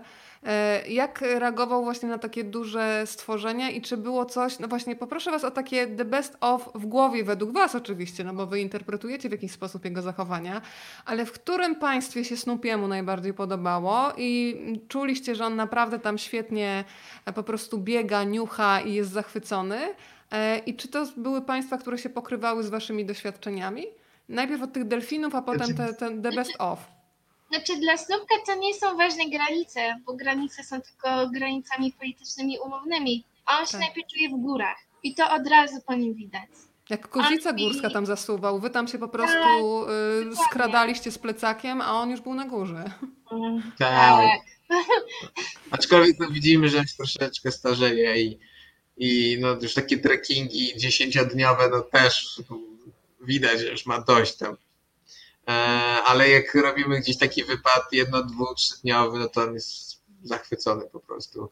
A te delfiny Eee. jak, słuchajcie, zdziwiony był czy nie? No właśnie Nie, ignorował je tak naprawdę. z tego co wiemy, większość psów właśnie bardzo żywiołowo reaguje na delfiny, a Snoopy je ignorował jakoś. Widział je, ale nie ma. Już tyle widziałem na świecie, że tam delfiny na mnie nie robią Snoopy woli ludzi. Snoopy naprawdę woli ludzi. On inne zwierzęta dla niego, tylko małpy zrobiły na nim jakieś większe wrażenie. Eee, To jest bardziej tak, że to zwierzęta są zainteresowane w nim, a nie on w nich, że tak powiem. Słuchajcie, a też macie takie doświadczenia też z Polski. Ja ostatnio dopiero zaczęłam to zmieniać, że kiedy się idzie na spacer z psem, to ja w pewnym momencie sobie zdałam sprawę, że znam panią od Azorka, od nie wiem, e, jakiegoś kolejnego tysiące imion, ale w ogóle właściciele się sami sobie nie przedstawiali, tylko a jak się piesek nazywa? przecież I dopiero w pewnym momencie zaczęłam s- zmieniać to i mówić, dobrze, to jest Łatka, a ja jestem Weronika. I teraz już wiem, że jest pani Ania, jest pan Tomek i tak dalej, ale bardzo długo znałam tylko, bo w zasadzie ludzie mieli tożsamość poprzez swoje psy. Zawsze, Jaki- kiedy łapiemy, kiedy łapiemy jakiś samochód na stopa i pokazujemy kogoś, komuś nasz Instagram i ktoś mówi, Jezu, to macie 25 tysięcy obserwujących, to jesteście sławni. A my mówimy, nie, my nie, tylko Snoopy. I zresztą jak byliśmy w Polsce, to na tej czteromiesięcznej przerwie od podróżowania jeździliśmy w cen- do centrum Warszawy, to jak mieliśmy Snoopka, to no, chyba nie było dnia, żeby ktoś go nie rozpoznał.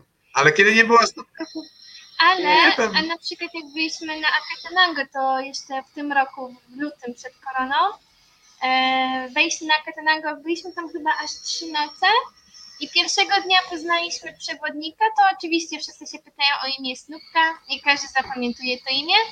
Potem schodzimy trzy dni później z tego wulkanu, a po drodze słyszymy, że ktoś krzyczy o Snupek, Snupek, Snupek, a tak, kto tutaj go rozpoznał? Więc tak, ludzie rozpoznają się po psach, albo Nie, nie wycieczka było Polaków w Antigua, czyli w mieście w Gwatemali nas rozpoznała. Po Znaczy. Snupka rozpoznało. No tak. No i ale to czasem jest. y, dużo osób nam zarzuca, że, y, że Snupek jest takim naszym. y, że gdyby nie Snupek, to by nie, byśmy nie bylibyśmy rozpoznawalni. No i pewnie tak coś w tym jest, ale jest też tak, że dużo osób y, się burzy, jak wchodzi do nas pierwszy raz na bloga, bo myślą, że nasz blog to jest słodki pieseczek, który podróżuje po świecie i jest super fajnie różowo, a potem zaczynają czytać y, moje teksty, w których no, jestem dosyć napastliwy i poruszam trudne tematy. No i, no i są oburzeni, znaczy oburzeni, no nie wiem, zawiedzeni. No, jakby. Że miało być słodko i kolorowo, a tutaj trzeba pomyśleć, prawda? Tak, oni się przyszli odmurzyć, a nie dowiadywać się, że świat jest gorszy niż im się wydawało. No, to muszą się z tym pogodzić, a ten świat naprawdę zmierza ku zagładzie, więc im szybciej się obudzimy, tym lepiej. Słuchajcie, a jeszcze z takiego podróżowania interesuje mnie jeszcze temat, no bo mm, ludzie, kiedy podróżują, no to wykupują sobie różnego rodzaju ubezpieczenia zdrowotne. Czy istnieje w ogóle coś takiego, kiedy się rusza w podróż z psem, jak ubezpieczenie zdrowotne dla psa, dla czworonoga? Jest, jakie są jakieś takie pakiety w ogóle, czy może to jest jakiś pomysł dla rynku, który należy tutaj uruchomić, żeby ktoś wskoczył i Znaczy, zaczął działać?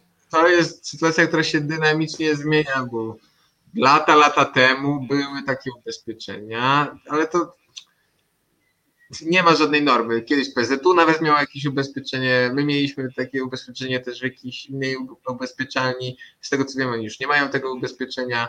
Eee, nie, w Polsce jest to generalnie ogromna dziura rynkowa, która nie mam pojęcia, czemu nie została jeszcze zalepiona. Eee, no bo jednak w Polsce psów jest dużo, ludzi też jest stosunkowo dużo jak na kraj europejski. I dużo ludzi podróżuje. Dużo ludzi, bardzo dużo Polaków podróżuje. I Eee, coraz więcej z psami. My na przykład tylko dowiedzieliśmy się e, rok temu o takich usługach, które są w Polsce, pakietach weterynaryjnych, e, ale no w Polsce, jak pies potrzebuje pomocy, czy, czy my potrzebujemy się skonsultować online. Fajne. E, I to się nazywa Pet Help. E, I jakby co polecamy, bo dogadaliśmy się z, z właścicielami tej firmy, że Snoopy staje się ich ambasadorem, a my dzięki temu załatwiliśmy 15% zniżki, jak się tam wpisze kod z pazurem. E, Super. I to jest przydatne, bo dobra, no nie będę tego, nie chcę tutaj robić tej reklamy, więc nie, nie ale jest to, jest to fajna opcja, ale jeżeli chodzi o zagraniczne, no to nie, to są tylko jakieś, jak się Pojedyncze trzeba pytać się, Mhm. nie pytać są się cały czas, tylko co może się pojawić, a potem go nie ma. To nie jest nic stałego i pewnego. Ale żeby nie było z ubezpieczeniami dla ludzi, którzy podróżują długo i daleko, też jest problem. To prawda, czasami się dopiero na miejscu okazuje, że to, co mieliśmy na papierze, niekoniecznie funkcjonuje na miejscu. Też trochę takich przypadków podróżniczych znam. Ale teraz jeszcze pojawił się wątek latania samolotem. Snoopy, jak wspomnieliście, jest głównie autostopowiczem albo tym pieskiem, który się porusza jachtostopem, no ale samolot też się zdarzył w jego życiu. I tu też jest bardzo ciekawy y, temat. Tomek pyta, czy Snupek leciał samolotem z wami na kolanach. E, To ja od razu się podpinam, e, jak można sobie załatwić to, żeby ten Snupek nie był w luku bagażowym ani w specjalnym pojemniku, gdzie jednak jest unieruchomiony przez e, kilka godzin lotu, tylko żeby mógł być takim psem e, asystującym, towarzyszącym, jak to się załatwia. Znaczy zależy od linii Znaczy, i trasy, na której będzie się leciało. to jest głównie rzecz, która obowiązuje na trasach z i do Stanów Zjednoczonych. Mhm. Niektóre duże linie akceptują to też na innych trasach, Jak KLM. jak KLM czy. e, Ale kwestia ważniejsza jest taka, że my nie chcielibyśmy, żeby wszyscy podróżowali z pieskami na kolanach, bo kiedy wszyscy zaczną podróżować z pieskami na kolanach, to się ta opcja skończy. E, Tak jak ze wszystkim ludzie, jak coś jest fajnego i to potem wykorzystują do granic możliwości, tak jak e, ta opcja już powoduje, że niektórzy nie biorą psa na kolana, tylko biorą kaczkę albo kozę, Mhm. e, albo zdarzały się kucyki. Bo chodzi o to, że pies jest wsparciem emocjonalnym, e, no w naszym wypadku Iza. Poszła do psychiatry i Iza ma zaburzenia e, jakieś i, i, i pies udziela jej wsparcia emocjonalnego. Mhm. E, My się długo wahaliśmy, czy to robić, bo po to założyliśmy bloga i po to podróżujemy z psem, żeby pokazywać, że z psem łatwo jest podróżować.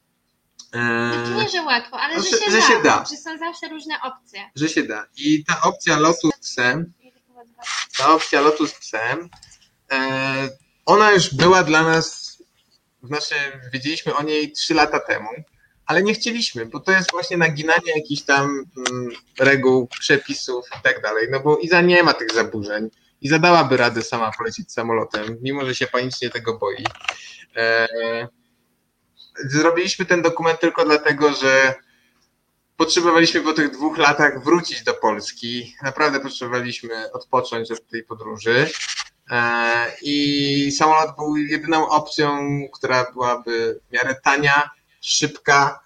E, no, a dlaczego nie chcemy? Y, I tak, Snoopy ma po prostu potworny lęk separacyjny, bo był ze schroniska, trafiał tam dwa razy, bo ktoś go adoptował. Potem go e, po tygodniu oddał z powrotem do schroniska i my go właśnie wtedy zaadoptowaliśmy. E, potem Snoopy no, spędzał z nami, chodził z Izą do pracy, z nami podróżuje od trzech lat i Snoopy nie byłby w stanie, nie byłby w stanie teraz polecieć sam. W ogóle nie potrafi sam zostać nawet na 10 minut. I no ja wiem, że to brzmi trochę tak, jakbym zrobiłem coś złego, ale mówię innym, żeby nie robili. No ale tak, no po prostu się skończy. To ta brzmi opcja, jak moja wina, moja wina, moja bardzo wielka wina trochę, co? Tak. Ale też, bo dużo osób zaczęło jakby nadwyrężać na przykład teraz jest dużo więcej restrykcji, mniej samolotów pozwala na psy. Mhm. E, Jest problem, żeby lecieć dłużej niż 8 godzin z takim psem. prawda. Znaczy ja wiem, że niektóre psy nie potrafią 8 godzin wytrzymać bez toalety, ale na przykład Snoopy potrafi, ale takie opcje się skończyły, dlatego Albo- trzeba szukać jakichś międzylądowań.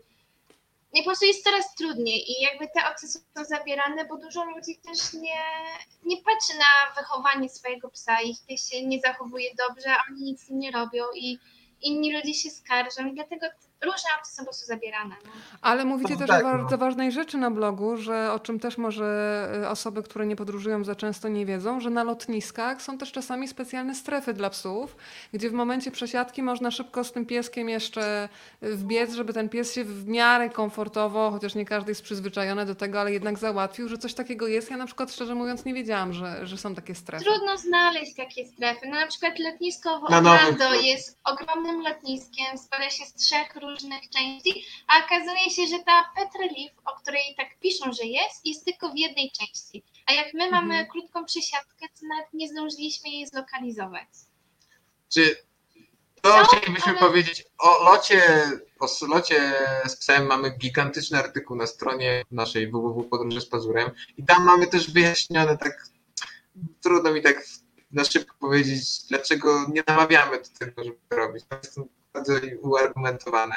Więc głównie chciałbym namawiać ludzi, żeby podróżowali nie samolotem, a pociągiem, autobusem. Szczególnie po Europie, bo Samochodem. wiadomo, że przez Atlantyk no to kto się...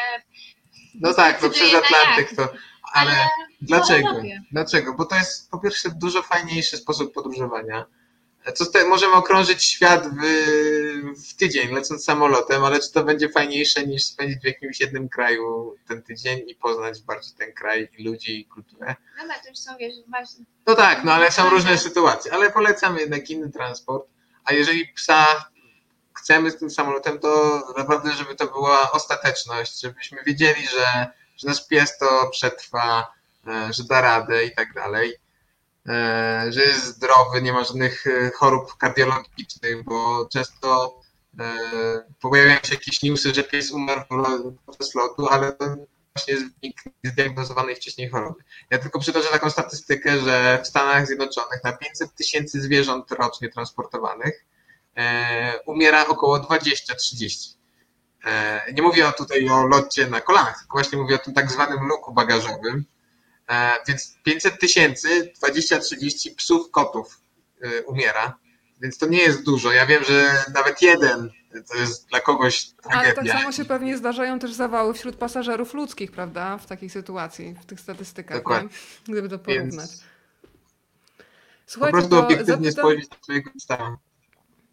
Y, to słuchajcie, zapytam Was jeszcze o, y, o taki świat ludzi podróżujących z psem. Czy to są takie sytuacje, że ludzie się właśnie wspierają, wymieniają doświadczenia? Bo powstał też y, rok temu w Górach Stołowych festiwal Podróżnicy na czterech łapach. To jest jedna z takich inicjatyw. Był, byliście właśnie chyba z prelekcją, prawda? W ostatniej chwili się bo nie byliśmy do końca pewni, czy wrócimy do, wtedy do, Polski, Bo czy to nie. było parę dni po naszym przylocie do Polski. Do Europy, bo przylecieliśmy do Amsterdamu. No, no ale tak. Byliśmy, O, byliśmy, no ale kontynuuj pytanie. Y, pytanie jest od Justyny. Nie wiem, ile snupek waży, bo właśnie zaczęłam myśleć o moim 36-kilogramowym labradorze na kolanach. Dlatego zajmuję w samochodzie na jakcie miejsce przewidziane dla człowieka. Pociągiem też jechał i cały czas y, ściągał sobie ochraniacz z pyska, w Polsce obowiązkowy. Piękne zdjęcia robicie i podziwiam szczerość, y, świetnie się słucha. To pozdrowienia, akurat Biszkopta znam, więc od labradora pozdrowienie od Justyny. Jeżeli chodzi Słuchaj... o 36 kilo, to właśnie te wsparcie pies jako wsparcie emocjonalne, to się nazywa ESA, nie było wcześniej limitów wagi, ale właśnie, że jest to nadwyrężane przez ludzi, to niektórzy nie zaczęły wprowadzać takie obostrzenia co do wagi czy rozmiaru psa. E, no ale co do zasady powinno być tak, że jeżeli pies się nie mieści u nas na kolanach, ani pod naszymi nogami, to leży na, na korytarzu, znaczy na przejściu. Ale chodzi, ale jeżeli... Ale zazwyczaj mogą być tylko dwa zwierzęta na kabinę i wtedy taka osoba, która ma to wsparcie, jest specjalnym miejscu, gdzie jest, gdzie jest dużo miejsca na nogi. I na przykład my leciliśmy takim jednym lotem z Gwatemali do Stanów i było bardzo dużo miejsca, z tym tam to w ogóle pięć snupków by się zmieściło. E, słuchajcie, a jeżeli chodzi o takie miejsca e, dotyczące, myślę o naturze, e, bo piszecie chociażby w komiksie, że o ile w Szwajcarii pies w zasadzie może być na każdym szlaku górskim, oprócz bodajże jednego parku narodowego, o tyle we Francji już jest problem. A w tych innych państwach, w których byliście na świecie, gdzie było najtrudniej, gdzie snupek po prostu musiał, nie wiem, zostać na chwilę albo musieliście się zmieniać, jeżeli chcieliście coś zobaczyć? No bo w Polsce na przykład, nawet w Polsce na wielu szlakach psy w ogóle są niemile widziane więc jak to wygląda w tych państwach, po których podróżowaliście? E, znaczy my głównie podróżujemy po krajach takich jak Peru, jak... w krajach, które odwiedzamy zazwyczaj nie ma regulacji związanych z psami. Chyba najbardziej restrykcyjny kraj to była Brazylia. Mm, e, tak. No tam chcieliśmy zobaczyć słynne wodospady Iguazu no i tam jest zakaz wstępu z, z, z psami. Ale, ale, są klatki. Znaczy po stronie, Argent... po stronie brazylijskiej jest zakaz, nie ma nic, ale po stronie argentyńskiej są tak, klatki, że tak. jeżeli ktoś przyjedzie tam z psem? z psem, no to może swojego psa zamknąć w klatce yy, i, i pójść zwiedzać. Ale jeżeli chodzi o takie kraje jak Peru, Ekwador, no to tam nie ma żadnych zasad. Nie, w Ekwadorze były. No zależy Zależy od miejsca. Ekwador też ma trochę takich miejsc z zakazami. Ale no, na przykład Ale... w Peru możemy iść wszędzie, spać wszędzie, oprócz Machu Picchu, gdzie jest tona restrykcji. I nikt tam nic z tego nie zrobi. To jest trochę przykre, no bo ludzie nie, nie szanują ani natury, ani dzikich zwierząt. Znaczy tam jest trochę też mm. inaczej. Ci ludzie żyją obok tych psów, zwierząt na co dzień w dużych ilościach i tam każdy jest przyzwyczajony do ich obecności. I nawet jeśli my jako turyści na Machu Picchu z psem nie wejdziemy, to my tam zobaczymy inne psy, bo tam te psy hmm. mieszkają. Bezdomny. Chodzi o to, żeby po prostu turysta nie wniósł swojego psa. Okay. E, ale nie, jeżeli chodzi o najbardziej restrykcyjny kraj, to chyba była Hiszpania, bo na przykład tam nawet na plaży, na plaży nie można było wejść ze Snoopim e, w tych miejscach takim jakby przygotowanych pod turystów, jak gdzieś się tam poszło na ubocze, to mogliśmy, ale też nie wiem, czy to było do końca legalne, czy nie. E, były problemy, żeby znaleźć jakiś nocleg.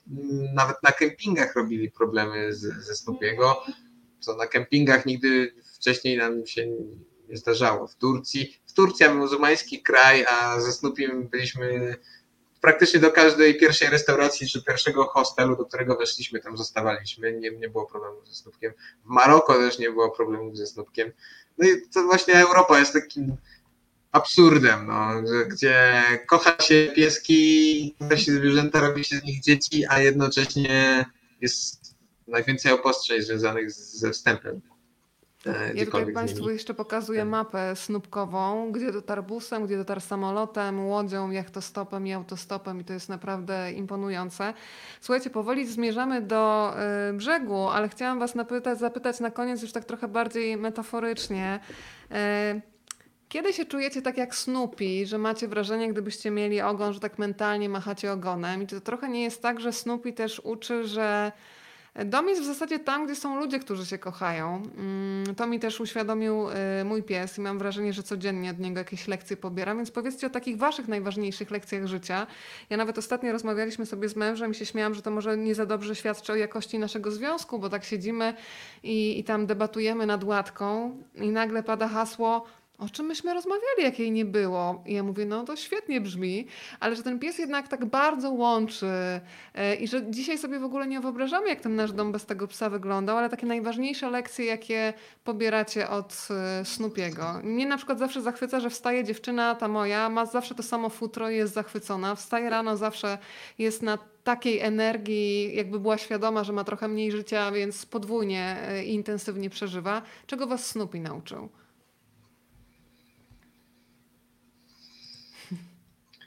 To jest. Też trudne pytanie, bo my jesteśmy ze Snoopiem od 10 lat i na pewno ja nie pamiętam, jak to było, jak go nie mieliśmy. Mhm. Um, Ja bym powiedział, że właśnie głównie to, że pies się cieszy chwilą. No tylko co głupio brzmi, no bo pies przecież nie ma zmartwień, nie płaci rachunków, nie przejmuje się, czy ktoś nas napadnie, czy nie. Więc tego nie można tak do końca odnieść, ale może nauczy nas tego, że jakby to tak skumulować pies i podróż, że nie ma jednej drogi życia. Nie ma czegoś takiego, że się zaczyna nowy etap życia i tak dalej, tylko że życie to jest ciągłość i e, nie ma czegoś takiego, że wybraliśmy złą czy dobrą drogę, bo tak jak powiedziałaś, my byliśmy, była grafikiem, ja dziennikarzem prawnym i pewnie moglibyśmy zarabiać dużo więcej pieniędzy i nasze życie też byłoby fajne, gdybyśmy nie adoptowali Snoopy'ego albo nie zaczęli podróżować i, i pewnie dla wielu ludzi byłoby życiem lepszym w ich mniemaniu. E, no, więc a wybraliśmy, wykorzystaliśmy to, nasze doświadczenia, zrobiliśmy bloga, robimy teraz komiks i nie ma, jednej, nie, ma, nie ma jednej drogi życia. Droga się buduje na bieżąco i to od nas zależy, czy będziemy to rozpatrywali jako pozytywną drogę, czy negatywną drogę. a Snoopy nas chyba nauczył tego, że każdy dzień dla niego jest nową przygodą i nie warto wstawać z lewą nogą, ze złym humorem, z innym nastawieniem, bo i tak będzie fajnie. Bo może dzisiaj właśnie zmieni nasze życie. Iza od tygodnia uczy się robić tatuaże, może zostanie tatuatorką. O właśnie, powiedzcie, Piotrek, y, bo ty masz chyba już Snupiego na zawsze na skórze, zresztą podziwiam twoją odwagę, e, bo Iza, ty zrobiłaś pierwszy tatuaż, właśnie, to wiem, czekajcie, czy ja zrobię widać. tutaj powiększenie, już moment, moment, o, no widać, jak z Neverending Story trochę, słuchaj. Tak, to jest mój pierwszy w życiu tatuaż. Musiał być poprawiany przez zawodowca Kalini, ale Podobno będą ze mnie ludzie. No i że praktykę czyni mistrza, trzeba trenować, trenować. Ja nie jestem tak super tego przekonana, no boję się, że komuś zrobi krzywdę. Aczkolwiek nasza weterynarz nam mówi, że spokojnie się przewróci na ulicy i będzie miał gorszą krzywdę niż ty mu zrobić tym tuszem. zresztą przecież sam przychodzi po to. No właśnie. No ale to moje wewnętrzne. Pytanie jeszcze od No, Małgosi, więc- czy po tak długim spotkaniu nie czujecie się trochę jakbyście byli z nami w Polsce? Tęsknicie w ogóle trochę za tą Polską? Tak szczerze, bo jak nie, to też szczerze, że nie. Tęsknimy za paroma osobami, ale ja już przestałam tęsknić za Polską. Nie jest dobrze. My jakby też nie dopuszczamy do swojej głowy wielu rzeczy. Na przykład niektórzy ludzie się dziwią, że jak tutaj wyjeżdżamy, to zżyliśmy się z kimś i ta osoba wyjeżdża, no to my nie jesteśmy jacyś wylewni. No bo jakbyśmy mieli być wylewni przy każdej osobie, którą poznaliśmy, się serce łamie co parę dni. poznaliśmy, nie wiem, już nie wiem ile, dwa tysiące ludzi może w ciągu trzech lat. Mhm. Nie mam pojęcia, no. nie mam pojęcia ile. I niektórych naprawdę ogromnie polubiliśmy i chcielibyśmy się z nimi spotkać jeszcze raz. Tylko, że są rozsiani po całym świecie, więc nie wiem, czy to kiedykolwiek nastąpi. No Ale, na pewno to jest, ja tęsknię na przykład za lasem. Może dlatego też jestem taki roztrzepany. Ale tak, to jest podobny las, nawet pachnie podobnie. ale wiem, ale może dlatego, że tak długo rozmawiamy po polsku i jestem taki jakiś trochę mi się Znaczy, A no tak, dzisiaj też na przykład nas chłopak mieszkający w Guatemala City, który jest Polakiem. I szczerze mówiąc, ja jeszcze nie mogę doczekać takiego spotkania, żeby na żywo porozmawiać z Polakiem po polsku. Na przykład ta nasza rodzina, w której mieszkamy jest naprawdę cudowna, bardzo fajnie z nimi się nam rozmawia, dogadujemy się, jest tak, w ogóle jakbyśmy byli wśród swoich totalnie, ale no brakuje takiego Polaka obok, żeby mieć te podobne podłoża i no czegoś takiego nam brakuje. No i jasne, tęsknimy za naszymi znajomymi, ale ja już przestałam tęsknić za białym serem, za No, na przykład jedzenie. U mnie zestaw tylko bigos w zasadzie. No, 10 razy Powoli, a poza tym jesteśmy już wegetarianami, więc bardziej on. jeszcze tym bardziej, tym mniej tęsknimy na przykład za polskim jedzeniem. Eee, No ale Jest słyszałam, że to jest Snoopy jest też wege. Jak się spotkali, jak przyjedziecie do Polski, to zapraszam na spotkanie z Łatką, ponieważ ona też jest fanką e, czerwonej papryki. Myślałam, że to jest jakaś jej, jej, jej dziwność, ale rozumiem, że nie jest jedynym psem, który kocha czerwoną paprykę, bo Snoopy też jest fanem, jak przeczytałam. Snoopy uwielbia paprykę, marchewkę, kokosa, papaję, ananasa, mm, wszystko. Mango. kokos, ale kokos to jest jego faworyt. Mango. Słuchajcie, to czekamy na Wasze kolejne e, księgi związane z komiksem Podróże z Pasurem, historia łapą pisana. E, I jeszcze pytanie od tych wszystkich, którzy chcieliby jakoś Wam e, tak wirtualnie towarzyszyć, ale może też w bardzo konkretny sposób. Czy na Patronajcie cały czas wszystko funkcjonuje i można się tam dorzucać do tego, żeby Wam było po prostu dobrze w tej podróży? E, tak, jak najbardziej na Patronajcie można robić tam też bezpośrednie darowizny przez konto bankowe. Trochę tam już nieaktualny jest opis, wziąłem się tydzień temu za aktualizowanie, bo tam właśnie było, że postawimy na, na YouTube i tak dalej, że po prostu to będzie nam łatwiej się zatrzymać w jakimś hostelu i przez dwa tygodnie remontować filmik. No teraz jakby można zamienić filmik na komiks. W sumie też nie, bo mamy teraz vana, więc nie musimy się zatrzymywać w hostelu. Więc musimy to wszystko zmodyfikować, ale na pewno no, każdy, każdy grosz jest dla nas ogromnie ważny, bo tak jak wspomnieliśmy, no, za 60 tysięcy byliśmy w stanie podróżować i dawać ludziom z tego relacje, dawać dużo od siebie i, no chcemy to kontynuować e, i blogiem, i komiksem. E, Tak, i zawsze jak ktoś ma jakieś wątpliwości co do podróżowania z psem, to jak najbardziej niech pisze do nas, bo właśnie to jest powód, dla którego założyliśmy tego bloga, żeby walczyć z tym mitem, że to jest trudne, albo żeby walczyć z tymi powielanymi mitami i błędami, że to jest jakieś trudne, nie, niewykonalne, albo... No i a też zmieniać jakby sytuację w Polsce, no bo tak jakby wspomnieliśmy, ty wspominałaś, w Polsce jest dużo zakazów wstępu z psami. No i one są według mnie zasadne, bo Polacy. Polacy nie potrafią wychowywać swoich psów, nie robią tego należycie, nie szanują e, wielu. E, no, ludzie idą do lasu i się cieszą, że ich pies gonił sarnę. E, No i to jest karygodne zachowanie. No i jeżeli tak długo jak my nie zaczniemy zmieniać siebie, swojego zachowania, tak długo będą zakazy wstępu dla odpowiedzialnych e, właścicieli psów do, do parków narodowych, do wszystkich ładnych i fajnych miejsc. No i, no i takie rzeczy chcielibyśmy po prostu edukować. No. To prawda.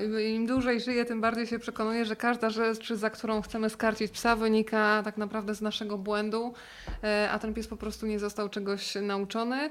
Ja też jestem wielką fanką, nie wiem, czy mieliście kontakt z e, psich przedszkoli, czyli takich miejsc, gdzie raz, że się psy socjalizują, a dwa, że uczą się takich podstawowych e, komend, które też pozwalają na przykład na to, żeby nie zjadały jakiś trucizm chociażby e, na zewnątrz, ale też żeby wracały przywołane do nogi.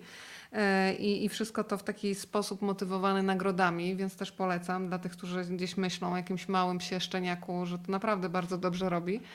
E, Słuchajcie, bardzo Wam dziękuję za ten e, wspólny wieczór. E, Wysyłam całą moc dobrych myśli do Was i zgadzam się, że warto w życiu kolekcjonować wrażenia. I tak sobie właśnie przeliczam szybko, ile mam oszczędności na koncie, idę do mojego męża i, i, i chyba przegadamy, że warto zostawić to, co tutaj mamy. Trochę nam zajmie pakowanie, może nie od razu ruszymy, bo Masz teraz dużo książek. I mam dużo książek, ale też jest dużo czasu chyba, słuchajcie, na zaplanowanie tej podróży, bo pandemia jeszcze przez chwilę to uniemożliwi. Yy, Dziękuję Wam za Waszą odwagę, za ten pazur, który pokazuje, że chcieć to móc i chyba każdy ma taką super moc. Dziękujemy. Też pozdrawiamy wszystkich, którzy nas dodatkowo pozdrawiają w komentarzach. No i co? Trzymajcie się. To Realizujcie księga druga marzenia. jeszcze? Powiedzcie na koniec. Jeszcze raz, księga druga. Jeszcze raz przypomnijcie, kiedy księga druga. Jeżeli nic się nie posypie, to na przełomie listopad-grudzień. To, Pracujemy doczekane, nad- bardzo smakuje. Już będzie stricte podróżnika. Nie Super, to jeszcze jedne pozdrowienia Wam tutaj przekazuję od Sandry i wszystkiego dobrego, wszystkie dobre myśli od siebie i od Państwa, którzy są razem z nami, wysyłam już teraz do Was. Do usłyszenia i do zobaczenia. Iza i Piotr Miklaszewscy i Snupek, chodź się koniecznie pokaż, kochany. Spał tutaj. Jak on jest kochany. Nie strzelaj Potrafimy Cudowne. w brzuchu i będziesz zadowolony. Pozdrowienia Hej. tutaj od wszystkich. Hej, dziękuję bardzo. Do zobaczenia. Cześć! Cześć, pa pa.